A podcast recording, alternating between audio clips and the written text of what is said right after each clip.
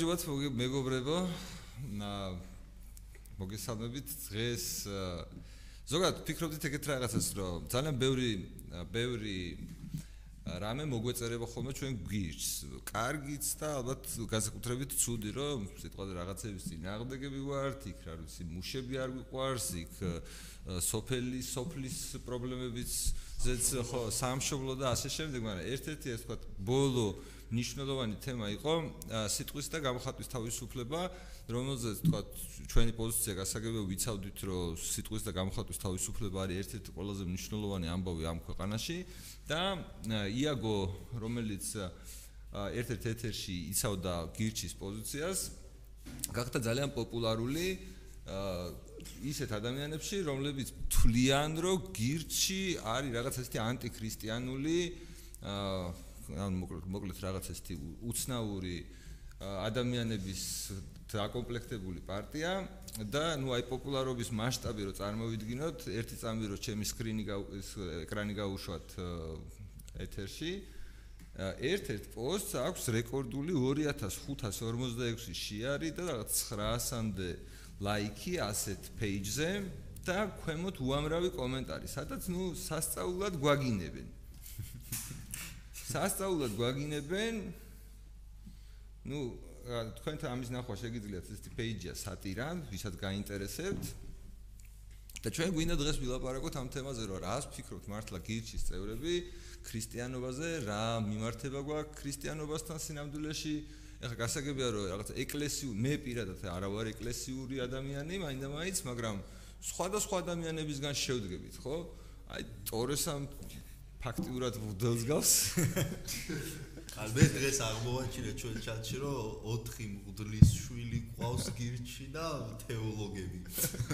ხოდა ანუ დღევანდელი მოკლედ დღევანდელი ჩვენი საუბარი მიეძღვნება ქრისტიანობას და ჩვენს დამოკიდებულებას ქრისტიანობის მიმართ. ბარემ იმაზეც რო ვთქვათ ორი სიტყვა, აუ ჩვენ იდეაში ვცადეთ, მეც პირადად ვცადე თვითონ ამ გვერდზე კომენტარის დავწერე, მინდოდა რაღაც დისკუსიაში შესვლა, იმიტომ რომ ვიდეო ჩვენ საინტერესოა ამ ადამიანებთან საუბარი, თუ რატო გვაგინებენ მოსმენა არგუმენტების და რაღაც ცდელობა რომ მე პასუხი გავცე და იდეაში ველაპარაკოთ ამ ადამიანებს. ჩვენ მნიშვნელოვანია, მაგრამ ნუ ისე ხდება, რომ რაღაც მე დავწერე და პასუხი არავინ არ გამცადა, ნუ იაგომ დაწერა თვითონ და იაგოს კომენტარი საერთოდ წაშალა გვერდის ადმინისტრატორმა და მაგის მერე აღარც გამოჩენილა, ხო? მე რომ დაწერე. ნეგატიურ კომენტარებს შლიან, ბევრმა ბევრმა მომწერა რომ დავწერეთ და წაგვიშალეს. ხო, მაგრამ შენი რა იყო ნეგატიური, ანუ შენ არაფერი არ გეწერა ნეგატიური. მათი მიზნებისთვის ნეგატიური. აა, ხო, ნუ ნეგატიური არ იმგაგებით. სუდი კი არაფერი არ ეწერა, ნუ საპირისპირო აზრს ხო. და არა იმას რომ მე სუდი ეწერა. ხო, და ნუ ბარემ ბახოს აზრი რომ დავამთავრო უბრალოდ რავი, ჩემი იდეა არის ეგეთი რომ მათ შორის ამ გადაცემების რაღაცა ნაწილი მაინც მიუძღვნათ გირშთან მიმართებაში რაღაც არსებული მითების ნგრევას, იმიტომ რომ რაღაც წარმოდგენები აქვს ჩვენზე მოსახლეობის რაღაც ნაწილს, რომ ჩვენ რაღაცნაირი ყოლაფრის მტრები ვართ, ხო? სოფლის მეურნეობის სამშობლოს ჯარის ახალგაზრდობის, რავი, რაღაც ხო და რაღაცებზე ჩამრთელობის, განათლების, განათლების ხო და რავი, კულტურის და ქართველობის და ამ შემდეგ და მე მგონი რომ ღირს რომ აგ რაღაცებზე ვილაპარაკოთ და იდეაში პასუხი გავცეთ და ნუ იმედია იქ რადგან არ გვეძლევა საშუალება რომ რაღაც კომუნიკაციაში შევიდეთ, იმედია ესეთ ფორმატში ამ გადაცემას მაინც მოусვენებ და შევ დავამთავრე მე და გადავიდე. კაი, მოკლედ არა, სინამდვილეში ახლა სასაუბრო გვაქვს ქრისტიანობაზე, როგორც ასეთზე, იმიტომ რომ ფაქტურად ლანძღვაგინების დიდი ნაკადია, ხო?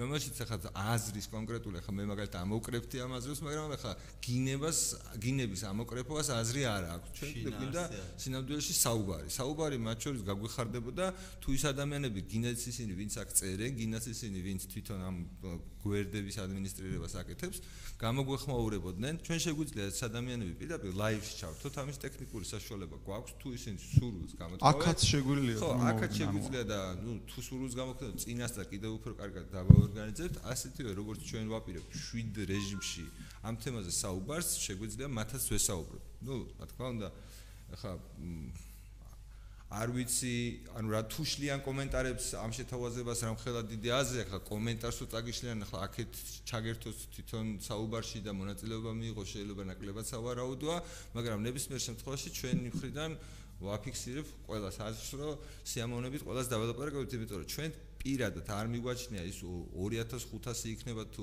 არ ვიცი რამდენი ადამიანი რომელმაც რომელმაც რომელიც აღაშფოთა.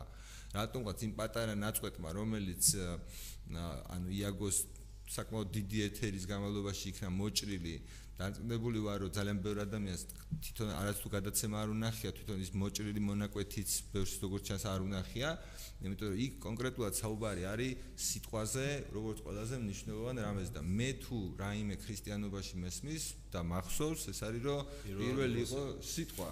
და სიტყვა იყო ღმერთთან და ნებისმიერი დაპირისპირება სიტყვასთან ეკლესიის მხრიდან უცნაური მეჩვენება, მაგრამ ერთი წამი ეკლესია გვერდზე გადავდოთ და ვისაუბროთ იმაზე, თქვა ჩვენ როგორ წარმოგვიდგენია ჩვენთვის რა ღირებულებების მატარებელია. მიუხედავად იმისა, მე წაღანს თქვი, რომ შეიძლება მე თვითონ არა ვარ ეკლესიური ადამიანი და შეიძლება არც რელიგიური ადამიანი არ ვიყო ის ღირებულებები, რომელთაც მე ვცხოვრობ, პირდაპირ ემთხოვა ქრისტიანულ ღირებულებებს. ახლა წყარო რომელია? იმის რომ მე მეშინია, რომ ჩემი სიკვდილის შემდეგ ჯოჯოხეთში არ მოხვდე და იმიტომ ვიქცევი ასე, თუ სხვა მიზეზებითაც ვიქცევი ასე, რომ რა მიზეზებითაც შეიძლება სხვა ადამიანი ანალოგიურად იქცეოდეს, მაგრამ სინამდვილეში მისი საფუძველი იყოს კონკრეტულად რაღაც კანონიკური ქრისტიანული და თქვათ ის 10 ცნებაზეც მინდა რომ ვისაუ 10 ცნებაზეც მინდა ვისაუბროთ რომელშიც თქვათ ჩვენი идеოლოგია და ჩვენი აზრები რომლებიც საერთო გვაქვს პირდაპირ ემთხოვა და ვერც ვერც ერთ ცნებას ვერ ამოიღებ.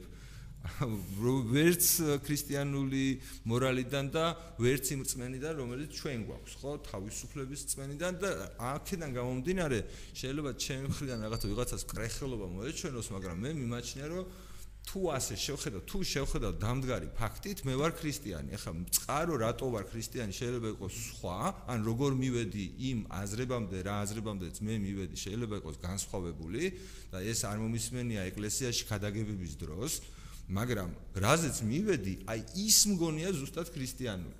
ხო და აი თავარი რაც თავარი საკითხი რაც მეჩვენება და რაზეც აი ალბათ პირველს იმას შემოვიტან არის ნების თავისუფლება, ანუ ადამიანებს ჩვენ შეგვიძლია რომ თვითონ მივიღოთ გადაწყვეტილება, მიუხედავად იმისა, რომ გვესმოდეს რა არის კარგი და რა არის ცუდი, გავაკეთოთ კარგიც და გავაკეთოთ ცუდიც და ეს არის ყველაზე დიდი უნდა ასე ვთქვათ, საჩუქარი, რომლებმაც ადამიანებმა მივიღეთ ბუნებისგან იქნება თუ ეს ღმერთისგან, ეს მე გავარჩევთ, მაგრამ ნებისმიერ შემთხვევაში ნების თავისუფლებაზე დგას ყველაფერი. შესაბამისად, ის რადგან ვთქვათ, ამ კონკრეტულ შემთხვევაში ჩვენ ვკამათობდით, ვკამათობდით იმაზე, რომ აა არანაირ შემთხვევაში, არავითარ შემთხვევაში, არავის არ აქვს უფლება ერთ ადამიანს შეუზღუდოს ყველაზე მისთვის მნიშვნელოვანი რაც კი ჩვენ გამოგვარჩევს ყველა დანარჩენი ცოცხალი არსებისგან.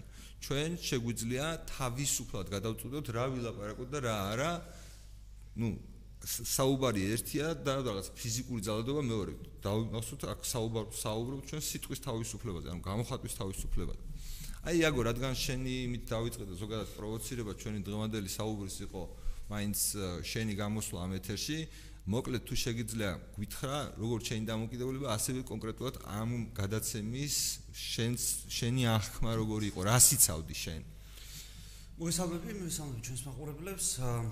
ნუ ყოველთვის მე ვიცავდი ჩემს წრწმენას რომ სიტყვის თავისუფლება ნიშნავს ყველაფრის უფლებას და საქართველოსში აი როგორც ცხეული არის ადამიანის საკუთრებას ვერ გავიგეთ, ასევე გვიჭირს გაგება იმისი, რომ ადამიანს აქვს თუ არა ყველაფრის თქმის უფლება. აი ქუჩაში რო გააჩეროთ ხალხი და რო კითხოთ, რომ ყველაფრის თქმის უფლება არსებობს, გეტყვით არა, ყველაფრის თქმა როგორ შეიძლება. აქ ჩვენ ერთმანეთში გვაქვს არეული მორალური და სამართლებრივი არგუმენტები. და მე ვცადე რომ იქ რამენერად გამემიჯნა ერთმანეთისგან, რომ სამართლის სფეროდან, აი რასაც უწურებდი საპატრიარქოს, მე ხო უთხარი რომ მე ხო თქვი მაგეთერში რომ საპატრიარქოს ქონდა უფლება გაეკრიტიკებია, გაელანძღარავთ, ეგინებია თუ უნდა და იმისთვის აქვე გიორგი გაბუნიასთვის ეს მისი გადასაწყვეტი იყო და მისი მრევლი როგორ აღიქონდა იმაზე იყო დამოკიდებული, მაგრამ რაც მე არ მომეწონა და ვთქვი რომ აი ეს ნებისმიერი ვინც ამას იტყვის, მე ომს გამოვუცხადებ, ეს იყო თავრობის შველა დასახმარებლად. იქვე ჟურნალისტმა ეთერში შემოშველა არგუმენტი, რომ მთავრობის დახმარება რაც რაც რასაც ნიშნავს იყო დაკონკრეტებული თვალსაჩინო ბოტკოველის განცხადებაში, რომ ისინი თხოვდნენ სისხლის სამართლის საქმის აღძრას ასეთ შემთხვევაში, საპატრიარქოსადმი შეურაცხყოფის შემთხვევაში. და ნუ მე ახლაც იმის ახსნა მინდა სინამდვილეში და ახლაც ველაპარაკები იმ ადამიანებს, რომელიც მაგინებდნენ და მე რაღაცა ძალიან არ მწყინს, ისეთი ადამიანის გინება, რომელსაც ისიც კი არ იცის რატომ მაგინებს. ანუ მე მხოლოდ იმ შემთხვევაში მეწყინება რაღაც გინება, როდესაც პატივს ცემ. ხო, როცა პატივს ამ ადამიანებს და როცა მათი აზრი ჩემთვის მნიშვნელოვანია. ხა ადამიანმა საერთოდ არ იცის რა ვთქვი და რომ მაგინებს ამას რა მნიშვნელობა. ეგ უბრალოდ სტატისტიკა, ამდენი გინება მოაგროვე და ახლო. ისე აფერა ხარა. ხო, ბევრია. ანუ ვისი თქმა მინდა რომ პირველი საპატრიარქოს მინდა უნდა გავაგებინოთ როგორც ჩანს, იმიტომ რომ ხალხი ითხოვს კაცის დაჭერას. ანუ ხალხი ითხოვს საპატრიარქო დღეს მზადაა იგივე გაუკეთოს იმ ადამიანებს რომლის აზრით მათ არ მოწონს რაც თავის დროზე მათ მაწინაპრებმა გაუკეთეს ქრისტეს. იმიტომ რომ მათ არ მოეწონათ რაც ქრისტე თქვა. ეს ეს სიტუაცია გვაქვს სულ. შესაბამისად მე როგორც ქრისტიანი და მე ქრისტიანული კულტურის შვილი ვარ ვფიქრობ რომ მე ვალდებული ვარ დავიცვა ქრისტიანი ადამიანის უფლება რომელსაც თქმა უნდა. ხო? თუ ჩვენ ამ უფლებას ადამიანსაც არ დავიცავთ მეორეჯერ რომ მოვიდეს ქრისტე, ისევ ჯვარს ვაცვამთ. ანუ ასე თულად დამთავრდება ეს ამბავი.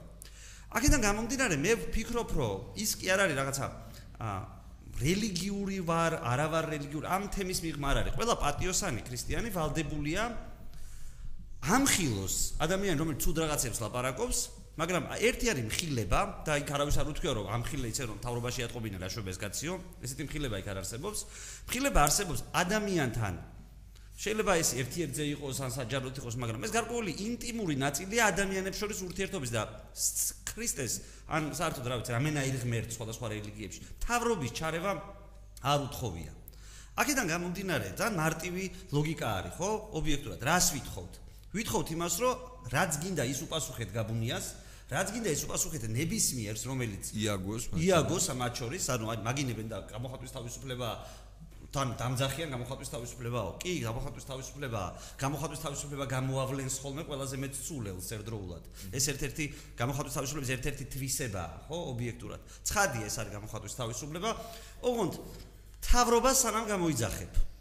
თუ თავრობას გამოიძახებ, ეგ გამოხატვის თავისუფლება კი არ არის დახმარების თხოვნა ამ თავრობისადმი.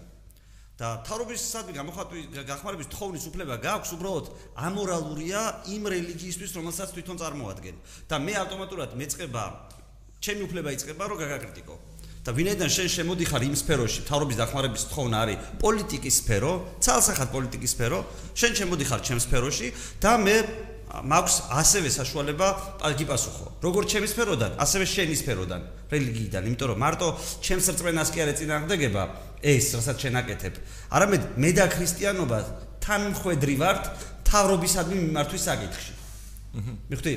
კეისარს კეისრისა ღმერთს ღვთისა.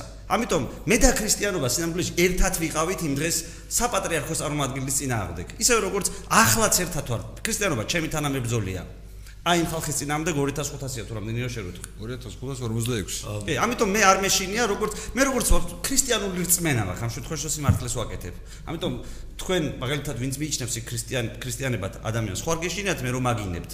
იმიტომ რომ გონიათ რომ ეს რაღაცა რწმენის ნაწილია. ხო ექსიტანს წინამდელში აი მაინტერესებს ანუ მაგალითად აი შესაძლებელია თუ არა ადამიანებო თან ასეთი რაოდენობით რომელსაც თავი ქრისტიანად მიაჩნიათ ანუ კრიტიკას კი არ გთხოვ უბრალოდ ეს სულთა ქრისტიანული მორალი რას აქვს იმიტომ რომ მე რო ვკითხულობდი მე უბრალოდ იგივე 10 ცნებასთან რო შეადარო რასაც ანუ ცილი არ წამო ხო? ანუ ერთ-ერთი ცნება და ადამიანებს აი უბრალოდ არა აქვს მართლა არა აქვს მოსმენილი ისეთ რამეებს წერებს. და პრობლემა პრობლემა უნდა დავინახოთ რა ეს პრობლემა სად სად ჩნდება ქრისტიანობა არის ციგნიერი რელიგია ამას ვერ გაიქცევა ვერავინ საერთოდ. და ქრისტიანობაში არსებობს ის რაც მოცემული არის სახარებაში, ანუ ეს არის სწავლება. და ქრისტიანობაში არსებობს კიდევ ტრადიცია, არსებობს გადმოცემა წმინდა მამების და ასე შემდეგ და ასე შემდეგ. ქრისტიანული წესით ყველაფერი რაც ეწინააღმდეგება სწავლებას, ანუ სახარებისეულ სწავლებას, როგორი წმინდა მამაც არ უნდა ამბობდეს ამ საწინააღმდეგო რაღაცას, ვერ იქნება მართალი ქრისტიანული თვალსაზრისით. პრობლემა საჩდება პრობლემა ჩდება იქ რომ დღეს საქართველოს ეკლესიაში არსებობენ მოძღვრები რომლებიც დაუშვათ თვლიან რომ ვიღაცა რო ცოდავს შეიძლება მიხვიდე და მუშტით დაიცვა ქრისტიანობა არსებობენ მოძღვრები რომლებიც თვლიან რომ ეს არაქრისტიანული საქციელია ამაზე პასუხი არის სახარებაში და ამაზე პასუხი ვიცით ყველა აბსოლუტურად იმიტომ რომ თუ კი რამე სადმე რამე რელიგია შეიძლება არსებობდეს არა აგრესიული და შვიდობის მყოფელი რომელიც გასწავლის რომ შენი იარაღი ერთადერთი ეს არის სიტყვა და სიტყვაზეა დაფუძნებული თავიდან ბოლომდე, ხო? ეს არის ქრისტიანობა. და პრობლემა ჩნდება იქ, როდესაც საქართველოს ეკლესია ვერ ყალიბდება, ანუ ვერ სვამს ანუ რა მეთოდები გამოიყენოს, როდესაც თქვა თავის ამისთვის შეიძლება გამოიყენოს მრევლთან ურთიერთობს? ეს პრობლემა უკვე არის ცხადი, ანუ ამის გამომწვევი მიზეზი იყო არის ძალიან ბევრი რაღაც, მაგრამ როდესაც ესეთი პრობლემა იქმნება, როგორც წესი, ანუ ისტორიულად ეს ხდება ხოლმე, რომ იწოვენ საეკლესიო კრებას, ხდებიან ამ ზუსტად იმიტომ რომ ციგნიერი რელიგია და შეგვიძლია გადავამოწმოთ რომელი უფრო შეესაბამება სწავლებას და რა არის საერთოდ ქრისტიანული სწავლება ამასთან შევამოწმოთ საბოლოო ჯამში ხდება ეკლესიის ჩამოყალიბება რომ ეს არის ჩემი სწავლება. ანუ დღეს მაგალითად ორმა არათუ იაგოს ან შენ რომელიც დაუშვათ ამბობ რომ შენ არ ხარ ეკლესიური და ანუ არ ცხოვრობ დაუშვათ აქტიურად ეკლესიურად არამედ ამ ეკლესიაში მდგომ ორი სხვადასხვა მოძღრის მრევლიც კი შეიძლება ვერ შეთანხმდე გქონდეს რა არის ქრისტიანული მოცემულ სიტუაციაში. ანუ ეს არის დიდი გაუგებრობა, რომელიც ხლეჭს ჩვენ საზოგადოებას და ხლეჭს არა მარტო დავუშვათ ეკლესიურებსა და არაეკლესიურებს, არამედ ამ ეკლესიაში მყოფ და მდგომ ადამიანებსაც კი. გასაგებია, ერთი რამ რა მინდა ის კითხო რომ ანუ რეალურად ეს იგი ჩვენ ხო სინამდვილეში ამ ადამიანების კრიტიკა არ აქვს, პირიქით ჩვენ გონია რომ ეს ადამიანები არიან, ну, იმ ნაწილში, რაც ჩვენ გვაინტერესებს, პოლიტიკურ ნაწილში, რაც ჩვენ ხო მართლა რაღაცა წმენას, წმენაში არ შევდივართ, ხო, მაგრამ ჩვენ ვიცით, რომ ისინი აცხადებენ, რომ ქრისტიანები ვართ, ასე რაღაცას აცხადებენ და ჩვენ გვინდა ამ ადამიანებთან საუბარი. ანუ საუბრის პრობლემა დგება იმიტომ, რომ ეს ადამიანები უბრალოდ აგრესიულები არიან და ჩვენ ვეძებთ საშუალებებს რა საშუალებებით შეიძლება ამ ადამიანებთან კონტაქტის დამყარება იმისთვის რომ ვიმჟელოთ? ვიმჟელოთ მშვიდად და ვიმჟელოთ რაღაცა საღი საღაზრზე დაყრდნობით. ეგ არის ძალიან რთული. ანუ ძალიან რთულია იმიტომ რომ ჩვენ ხა მეც არ მიყვარს კრიტიკა მაგრამ ფაქტი ფაქტის წინაშე ვდგევართ უბრალოდ რომ ადამიანების უმრავლესობა რომელიც თავის თავს მიიჩნევს ქრისტიანად დაუშვათ და მათ შორის იმ ადამიანების დიდი ნაწილი რომელიც ეკლესიაში დადის ქრისტიანობა მისთვის არის ქცეული რაღაც რიტუალად. ანუ ის თვლის რომ მივიდა ეკლესიაში, დაუშვათ დადგა რაღაც ბარაქის ხატის წინ და სთხოვა ღვთისმშობელს დაუშვათ ბარაკა თავისი ოჯახისთვის და მისთვის ქრისტიანობა დაიყვანება ამ რიტუალებამდე, მაგრამ ქრისტიანობა არ არის რიტუალი, ან ქრისტიანობა არის შინაარსი.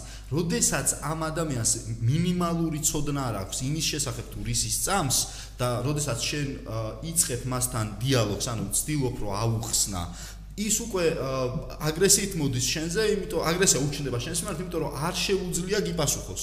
სიტყვა უთავდება და მე ცდილობს, ასე ვთქვათ, ძალით დაიცვას რაღაცა, რაც თვითონაც არ იცის რა არის. ან პრობლემა არის იგივე რაც საზოგადოებას ჭირს სხვა სფეროებში. ტოტალური გაუნათლებლობა. ტოტალური გაუნათლებლობა ქრისტიანობისა ქრისტიანობაში, რა პოლიტიკოსებისა პოლიტიკაში და ასე შემდეგ და ასე შემდეგ. ანუ ესეც ამ პრობლემის ნაწილია, ჩემი აზრით. ზურა, შენ დამოკიდებულება როგორი არის, როგორია ქრისტიანობის მიმართ და ანუ რას ფიქრობ აი ამ სიტუაციაზე, რაც რადგან ახლა ჩვენ საუბრობთ? ხო, ნუ მე მგონი რომ საბოლოო ჯამში მაინც ამ ადამიანთან კომუნიკაცია ყველა ვარიანტში გჭირდება, ნებისმიერ შემთხვევაში და რაღაცნაირად გზა არის მოსაძებნი.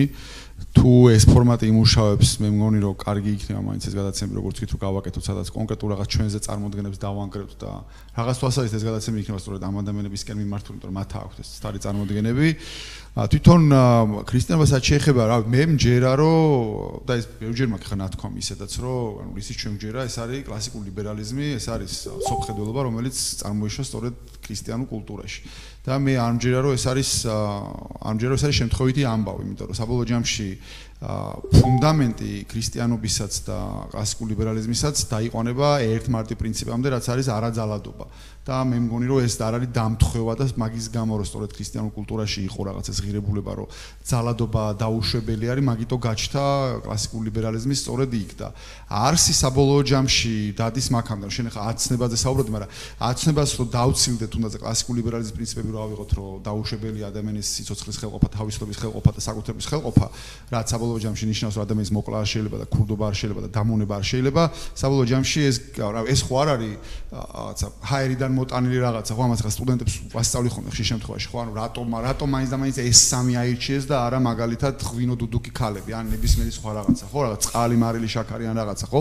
ანუ შინაარსი ამისი არის ის რომ თუ საზოგადოებაში აკრძალულია ერთმანეთის მოკლა თუ საზოგადოებაში აკრძალულია ერთმანეთის რაღაცების მოპარვა და თუ საზოგადოებაში აკრძალულია ერთმანეთის დამონება ამ შემთხვევაში თუ გაქვს თავისუფალი ადამიანების საზოგადოება, რომელსაც აქვს თავიანთი რაღაცა მიზნები და მისწრაფებები, იმისათვის რომ ამ ადამიანებმა ადამიან ესეთი ადამიანების საზოგადოება მიაღწიოს ამ რაღაც თავ-თავიანთ მიზნებს და რაღაც ისწრაფოდნენ თუნდაც ბედნიერებისკენ, მათ ჭირდებათ რაღაცა რესურსები ნებისმიერ შემთხვევაში და ამ რესურსების მოსაპოვებლად რჩებათ იდეაში ორი გზა, ანუ ერთი არის უნდა იშრომო და მეორე არის ერთმანეთს უნდა გაცვალო, ანუ უნდა იშრომო და უნდა ივაჭრო, იმიტომ რომ სხვა რაღაცებს საზოგადოება გიგზალავს რა. ანუ გეუბნება რომ ვერ მოკლა და ვერ წაართმე, ვერ მოპარა და ვერ წაართმე და ვერ დაიმონებ და მის შრომის პროდუქტს ვერ წაიღებ და რა დაგჭა, ანუ უნდა იმუშაო, ანუ უნდა ერთმანეთში გაცვალო რაღაცეები, ანუ მე მე არ მჯერა რომ ეს არის რაღაცა უბრალოდ ჰაერიდან მოტანილი რაღაცა და მგონია რომ ეფუძნება ამ არაძალადობის პრინციპს, რომელიც თავისთავად მგონია რომ სათავეს იღებს სწორედ ქრისტიანობიდან და ამ არაძალადობის პრინციპიდან, რომ ძალადობა არის დაუშვებელი და ის საზოგადოება, სადაც ძალადობა არის აკრძალული და ძალადობა არ არის მიღებული, სწორედ ის საზოგადოება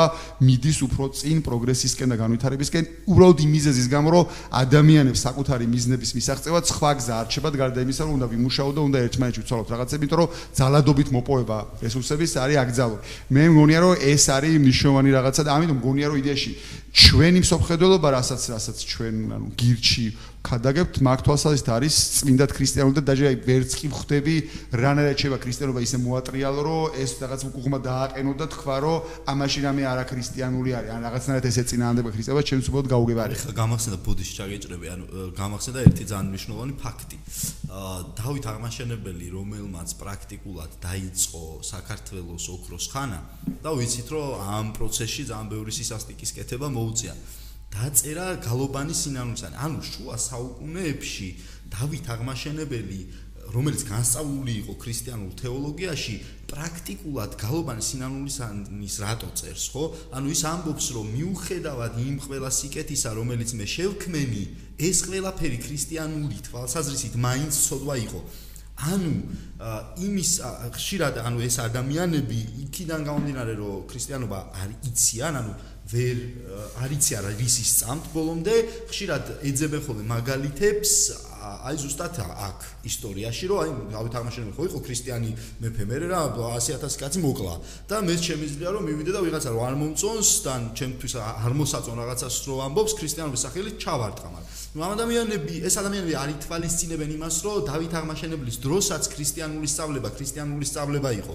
და ეს თვითონ დავით აღმაშენებელმა ყველაზე კარგად მოგვცა თავისივე ერთგვარ საჯარო ახსარებაში რომელიც დაწერა და რომელსაც ჩემი აზრით ძალიან დიდი მხატვრული ღირებულებაც აქვს გარდა სხვა ყველაფრისა ამიტომ პრობლემის ამიტომ ეგ არის ერთ-ერთი ძალიან მნიშვნელოვანი რაღაც რომ ქრისტიანობა დაუბრუნდეს ყოველ შემთხვევაში საქართველოს ქრისტიანული ეკლესია დაუბრუნდეს საკუთარ თავს, საკუთარ ტრადიციებს, იმიტომ რომ ამ საკუთარ თავში და საკუთარ ტრადიციებში ძალიან ბევრი სწორი რამაა, რომელსაც შეუძლია რომ ეს გაუგებრობები აგვარიდოს თავიდან. პრობლემა ჩნდება, როდესაც ძალიან მე მე მქონია ბევრი კამათი ადამიანებთან და მომისმენია რაღაც იშველიებენ ხოლმე რაღაც დაუშვათ და ძირთათ ეს ხდება რატომღაც რუსი წმინდანების სახელები ისმის, რომელიც არც ვიცით არსებობდნენ, არ არსებობდნენ, იმიტომ რომ რუსეთის ეკლესიას თავისი იმპერიალისტური პრობლემები აქვს და მე ეჭვმაქ რომ და საფუძვლია რომ ხშირად იგონებენ ხოლმე რაღაც კონკრეტულ პერსონაჟებს და მე აწერენ რომ ამ წმინდა მამამ ეს იცინასწარმეტყველა და ეს თქვა და ზუსტად ამით ხდება ხოლმე ამის გამართლება თორე. ქართულ ქრისტიანულ ტრადიციაში ხა ლიბერალიზმი სალანძღავსი თქვა ხო არის გადაქცეული და ბევრ ქრისტიანს დღეს გონია რომ ლიბერალიზმი არის რაღაცა შეუთავსებელი არა არა ის ეს კი არა ლიბერალი წმინდანი ყავს ხო ილია ჭავჭავაძის სახით აა მანდაც მე მგონი ნიშნულოვანია აი ამ ადამიანების გონია რომ ნიშნულოვანია და ეს ადამიანები როგორც წესი არიან ხოლმე აა რაღაც კონსერვატორული შეხედულებების ალბათ კარგ შემთხვევაში არიან ულტრანაციონალისტები და შემთხვევაში არიან მათ შორის ფაშისტური შეხედულების მატარებლები. კონსერვატიული შეხედულები. ნუ რა მათი წარმოდგენით როგორც წარმოდგენთ კონსერვატიზმი, რომ იცავენ რაღაცა ქართულ ტრადიციებს, ადაწესებს, ინსტიტუტებს, რაღაცებს, რაც ხშირ შემთხვევაში ნაკლებად არის ქართული, მაგრამ ამ გაგებით ვიძახი, რომ რაღაც წარმოდგენთ, რომ არიან კონსერვატორები. ან არიან ულტრანაციონალისტები და ნუ ან ხშირ შემთხვევაში ფაშისტში გადადიან. მაგრამ ამ შემთხვევაში აი მნიშვნელოვანი ხა ტორესავრას თქვა, რომ მათ შორის ამანდანებს გასაგები იყოს, რომ მე ყოველ შემთხვევაში ხშირ შემთხვევაში კომენტარებიდან შევა ეგეთი შაბეჭება, რომ ამ ადამიანებს გიჩი, ანუ ლიბერალიზმის გაგება არის ბევრნაირი, მილიონნაირი გაგება არის, ხო და ჩვენი სიჯერა გიჩი, ეს არის კლასიკური გაგება ლიბერალიზმის, რომელიც არაფერი საერთო არ აქვს თანამედროვე ლიბერალიზმის გაგებასთან, რომელსაც უფრო მეტი საერთო აქვს სოციალისტსა და კომუნისტთან, ვიდრე კლასიკური გაგებით არც იყო ლიბერალიზმი, ანუ შე შემთხვევაში ამ ადამიანებს წარმოადგენთ, რომ გიჩი, რადგან ჩვენ მიზახით, რომ ჩვენ ვართ ლიბერალები, ჩვენ ვართ დაახლოებით აი ბაია პატარაიას ტიპის ლიბერალები, ან რაღაც თანამედროვე ლიბერალები, რაღაც რომლებიც რომლებსაც აა რომლებსაც აქვს ბემაშორის თავისუფლების გაუკუღმართებული გაგება, ანუ ფუნდამენტური პრობლემა სადაც აქვს, ეგ არის თავისუფლების რაღაც პოზიტიური გაგება აქვს, საიდანაც მე ბევრი სხვა სხვა პრობლემები წება, რაც ჩვენ არა ვართ იდეაში, ანუ ამ ადამიანებს მათ შორის გონია, რომ ეგეც ასახსნელი გვაქვს, რომ ჩვენ სხვა ტიპის ლიბერალიზმზე საუბრობთ, იმ ლიბერალიზმზე, რომელიც იყო კლასიკური გაგებით ლიბერალიზმი, რომელიც არის ჩემს ერთადერთი სწორი და არაფერი საერთო არა გვაქვს ამ სიტყვის თანამედროვე გაგებასთან და მათ შორის იმ ბევრ არასწორ რაღაცებთან რაც თანამედროვე ლიბერალიზმი მოიტანა თუნდაც იგივე დასავლურ სამყაროში. მე თუ არ იყვი ზურა რას რას გულისხმობ მაგალითად რო განმარტო რას გულისხმობ კონკრეტულად განსხვავება რა შემდგომარეობს ძალიან გაუჭირდებათ იმიტომ რომ მართლა ყველაფერი დეტალურად ნუ კარგი მაგალითი არის რამც მაგალითად აგვიხსნი არის მაგალითად ნარკოპოლიტიკის თემა. მაგალითად ჩვენი ჩვენი პრინციპული საკითხი იყო რომ ადამიანის შეეული არის მისი საკუთრება და სახელმწიფო საქმე საერთოდ არ არის რომ ჩაერიოს და რამე ადამიანს ან დაუშალოს ან აუგზავნოს ან შედ მაშინ როდესაც როდესაც თანამედროვე ლიბერალების მიდგომა არის ის რომ მათი შეეული არ არის მათი საკუთრება ის რაღაც თანაბრად არის რაღაცა სოციუმის თუ საზოგადოების საკუთრება და შესაბამისად აა თან ითხოვე რომ სახელმწიფო მათ უკუნალოს და მე რატომღაც ეწინააღმდეგებენ იმ რომ სახელმწიფო პრევენციულად ისინი დაიჭოს მაგრამ ეს არის ჩვენი ფუნდამენტური განსხვავება მაგალითად. არა არა მე მაშინ რადგან ეგ მაგალითი მოიყვანე მაშინ კითხავ რომ აი წარმოიდგინე ძალიან ბევრი ადამიანი რომელიც ზოგადად გვაკრიტიკებს ხოლმე აი ამ თავის რელიგიური შეხედულებების გამო ისინი თვლიან რომ თქვა ნარკოტიკების მოხმარება არის ცოდვა და რადგან ეს არის ცოდვა ამ ცოდვისთვის და არსებობს ესეთი ინსტრუმენტი როგორც არის სახელმწიფო შესაძლებელია ცოდვას ებრძონო ზალადობით არა ეგ კიდე უფრო სხვა არის მაგას მაგას იდეაში უკვე რელიგიური ფუნდამენტალიზმი ქვია, როცა შენ რელიგიური დოგმები და რაღაცები გინდა გადმოიტანო საერო კანონმდებლობაში, ეგ კიდე სხვა პრობლემა არის. აა ხო არის ეგ ეგეთი ადამიანებიც არიან კი მაგრამ ეგრე ხა მილიონი რამე ან ცოდო ცოდო არის 10 მცნებიდან ერთ-ერთი არის მშობლების უპატივცემულობა ანუ მშობლების უპატივცემულობის გამოხატვის გამო ადამიანებს ციხეში ხო არ ვსვავთ ან ხო არ ვჯით თუნდაც ადმინისტრაციულად ხო ანუ ჩვენ ვართ ქრისტიანობის არსი და მათ შორის შეიძლება დაიწყე თავისუფალი ნების მთელი არსი მდგომარეობს იმაში რომ ჩვენ ადამიანებს განსხვავებით სხვა არსებებისგან გვაქვს აზროვნების უნარი და ჩვენ შეიძლება გავარჩიოთ რაღაცები ერთმანეთს და მათ შორის გავაკეთოთ შემდეგ გაცნობიერებული არჩევანი და მათ შორის იმის გამო რომ ადამიანები ვარ და არა ანგელოზები, ეს არჩევანი შეიძლება იყოს ისეთი, რომელიც ყოველთვის არ იქნება რაღაც სიკეთის მომტანი. ანუ ჩვენ ვიცით, რომ სიგარეტის მოწევა არის საზიანო ჩვენი ჯანმრთელობის და სიცოცხლეს გვიმცირებს, მაგრამ ადამიანები სიგარეტს მაინც ეწევიან, ხო? ან ვიცით, რომ რაღაცა junk food ტრაფიკების იმაში შედიხარ, შეიძლება მაინც და მაინც კარგი საკვები არ არის, მაგრამ შევდივარ და ვჭამთ, ხო? ანუ ბევრ ეგეთ რაღაცებს ვაკეთებთ, რაც გაცნობიერებად ვიცით თუ არასწორია, მაგრამ იმის გამო რომ კიდევ იმერო ჩვენ არა ვართ ანგელოზები და ადამიანები ვართ, ესეთ რაღაცებს ადამიანები აკეთებენ, მაგრამ იმის გამო რომ ადამიანი ეგეთ რაღაცებს აკეთებს, ანიშნავს რომ ეგეთი რაღაცების გამო ადამიანი დაისაჯოს. ანუ შეიძლება ჯერ არის რომ ადამიანი დაისაჯოს ყოველ შემთხვევაში, შესაძლოა ადამიანი სხვა ადამიანს აყენებს ზიანს. ანუ მაგალითად, კაი მეორე მაგალითს მოვიყვან, მაგალითად ერთ-ერთი თავ ერთ-ერთი ისეთი თემა, რომელიც რომელთანაც იდეაში დაპირისპირებები აქვს და ამ სოფხედრობის ადამიანებს თანამედროვე ლიბერალებთან არის მაგალითად საჯარო სკოლების თემა. ანუ მაგალითად საქართველოში თანამედროვე ლიბერალები აქტიურად ლობირებენ იმას, რომ გამოიყენონ სახელმწიფოს ცენტრალიზებული განათლების სისტემა იმისათვის, რომ სასკოლო განათლების სისტემაში ჩააკვეხონ ისეთი თემები, რომელიც მათი აზრით არის პრინციპულად მნიშვნელოვანი, რომ ბავშვებს ასწავლონ. მაგალითად, როგორიც არის თუნდაც იგივე სქესობრივი განათლების საკითხები. მაგალითად, რაზეც კონსერვატორული ჯგუფები ან ნაციონალისტური ჯგუფები არიან კატეგორიული წინააღმდეგები და წინააღმდეგები ისინი ამბობენ რომ არა, მათ პირიქით უნდა რომ გამოიყენონ სახელმწიფოს ცენტრალიზებული ინსტიტუტი იმისათვის, რომ თვითონ როგორ წარმოიდგინეთ, რომ არის სწორი ის, რომ მაგალითად იქ შეიყვა, შეიყვანონ, შეიტანონ რელიგიური გაკვეთილები, სადაც შევა მოძღვარი და ბავშვებს ალოცებს და ასე შემდეგ. თამათ შორის არის მუდმივი დავა, სინამდვილეში ორივე კამათობს იმაზე, ვის ხელში იქნება ეს ცენტრალიზებული განათლების სისტემა, რომ თვითონ რაც ჯერა რომ სწორია, ის შეტენონ. ამ შემთხვევაში ჩვენ პრინციპულად განსხვავდებით იდეაში ორივესგან და მარტო ჩვენ ვიზახით ვთქვით, რომ სკოლები საერთოდ არ უნდა იყოს ეგეთი ცენტრალიზებული სისტემის ქვეშ, იყოს თავისუფლება, ვისაც როგორი სკოლა უნდა ისეთი გააკეთოს, ვისაც უნდა რომ ატაროს სკოლები რელიგიურ სკოლებში და მაგის პრობლემა საერთოდ არის. საუკუნეების განმავლობაში ხო, რელიგიური სკოლები არსებობდა. აა, დღესაც არსებობს ხო? ხო, დღესაც არსებობს ხო და ვისი რა რა უფლებით შეიძლება მოთხოვოს იმენ რომ არ მიიღონოს შენი შვილი ეგეთ სკოლაში ვის ანუ ეგ არის ჩვენი პრინციპული განსხვავება რომ ჩვენ არ ვერევით და არ არ არ ვასწავლით აა არ ვასწავლ როგორ უნდა იცხოვრო მარტივად ვთქვა. თავისუფლებას ვასწავლ. მე მინდა კიდე ერთი განსხვავება ვთქვა, ვახო, ჩნამდვილში რომ ჩვენ გვაქვს და პირადად გონია რომ მეც მაქვს და ნებისმიერ გირჩელსაც უყურებ. აა ჩვენ განსხვავებით სხვა ადამიანებისგან ამ ხალხს არ გვეშინია, ანუ კონკრეტულად მზადვართ, შევხვდეთ და მორალზე ველაპარაკოთ ნებისმიერ ადამიანს, მათ შორის იმ ხალხს რომელიც მაგინებს. ან ჩვენ გვაგინებს. მე არ გონია რომ ვინმესთან რამე გვაქვს დარაშაული, დაშვებული შეცდომა გვაქვს თუ რაც გვაქვს. აი მაგალითად, ერთ მხარეს რომ მიტინგზე ხალხი იდგა და მეორე მხარეს რომ ემუქრებოდნენ მოვალთო. ჩვენ მზად, ჩვენ ამისიც არ გვეშინია. მზად ვართ მივიდეთ იქით იმ ხალხთან და აგვიხსნან დაგველაპარაკონ რა უნდათ. ამიტომ აი ეს რაღაცა მუშტების ბრახაბრუხი რომ ჩვენ აგერა ვარ და მოვდივართ და რაღაცა ქრისტიანობის სახელით რომ გველაპარაკებიან ასე. ხალხი რომ სხვათა შორის ეგ რატო არის? მე რაც მიფიქრი ამაზე არის ის რომ ვიღაცამ გამოაცხადა მონოპოლია ქრისტიანობაზე. მაგალითად საპატრიარქოს დღეს გამოცხადებული აქვს ჩემი აზრით მონოპოლია ქრისტიანობაზე. და ამბობს რომ ქრისტიანობა ის არის რაც მემჯერა.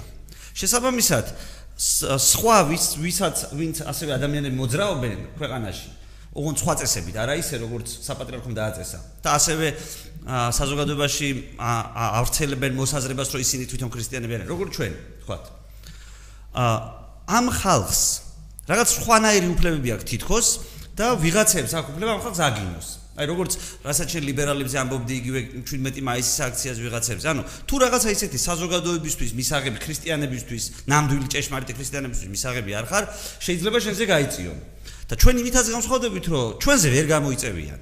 აი ხო ვითომ ცოტანი ვართ რაღაცა მე ჩემზე ვერ გამოიწევიან. ეგრე არ არის. ფასი დაждდება ჩემზე გამოწევა იმით კი არა რომ პოლიცია სწავლა დავუჩივლებ არამედ კონკრეტულად ნებისმიერ ადამიანს მოვთხოვ რა უნდა და აი რა პრეტენზია აქვს და როცა ადამიანი ამ ფორმით მოიწევს შენზე დასარტყამად.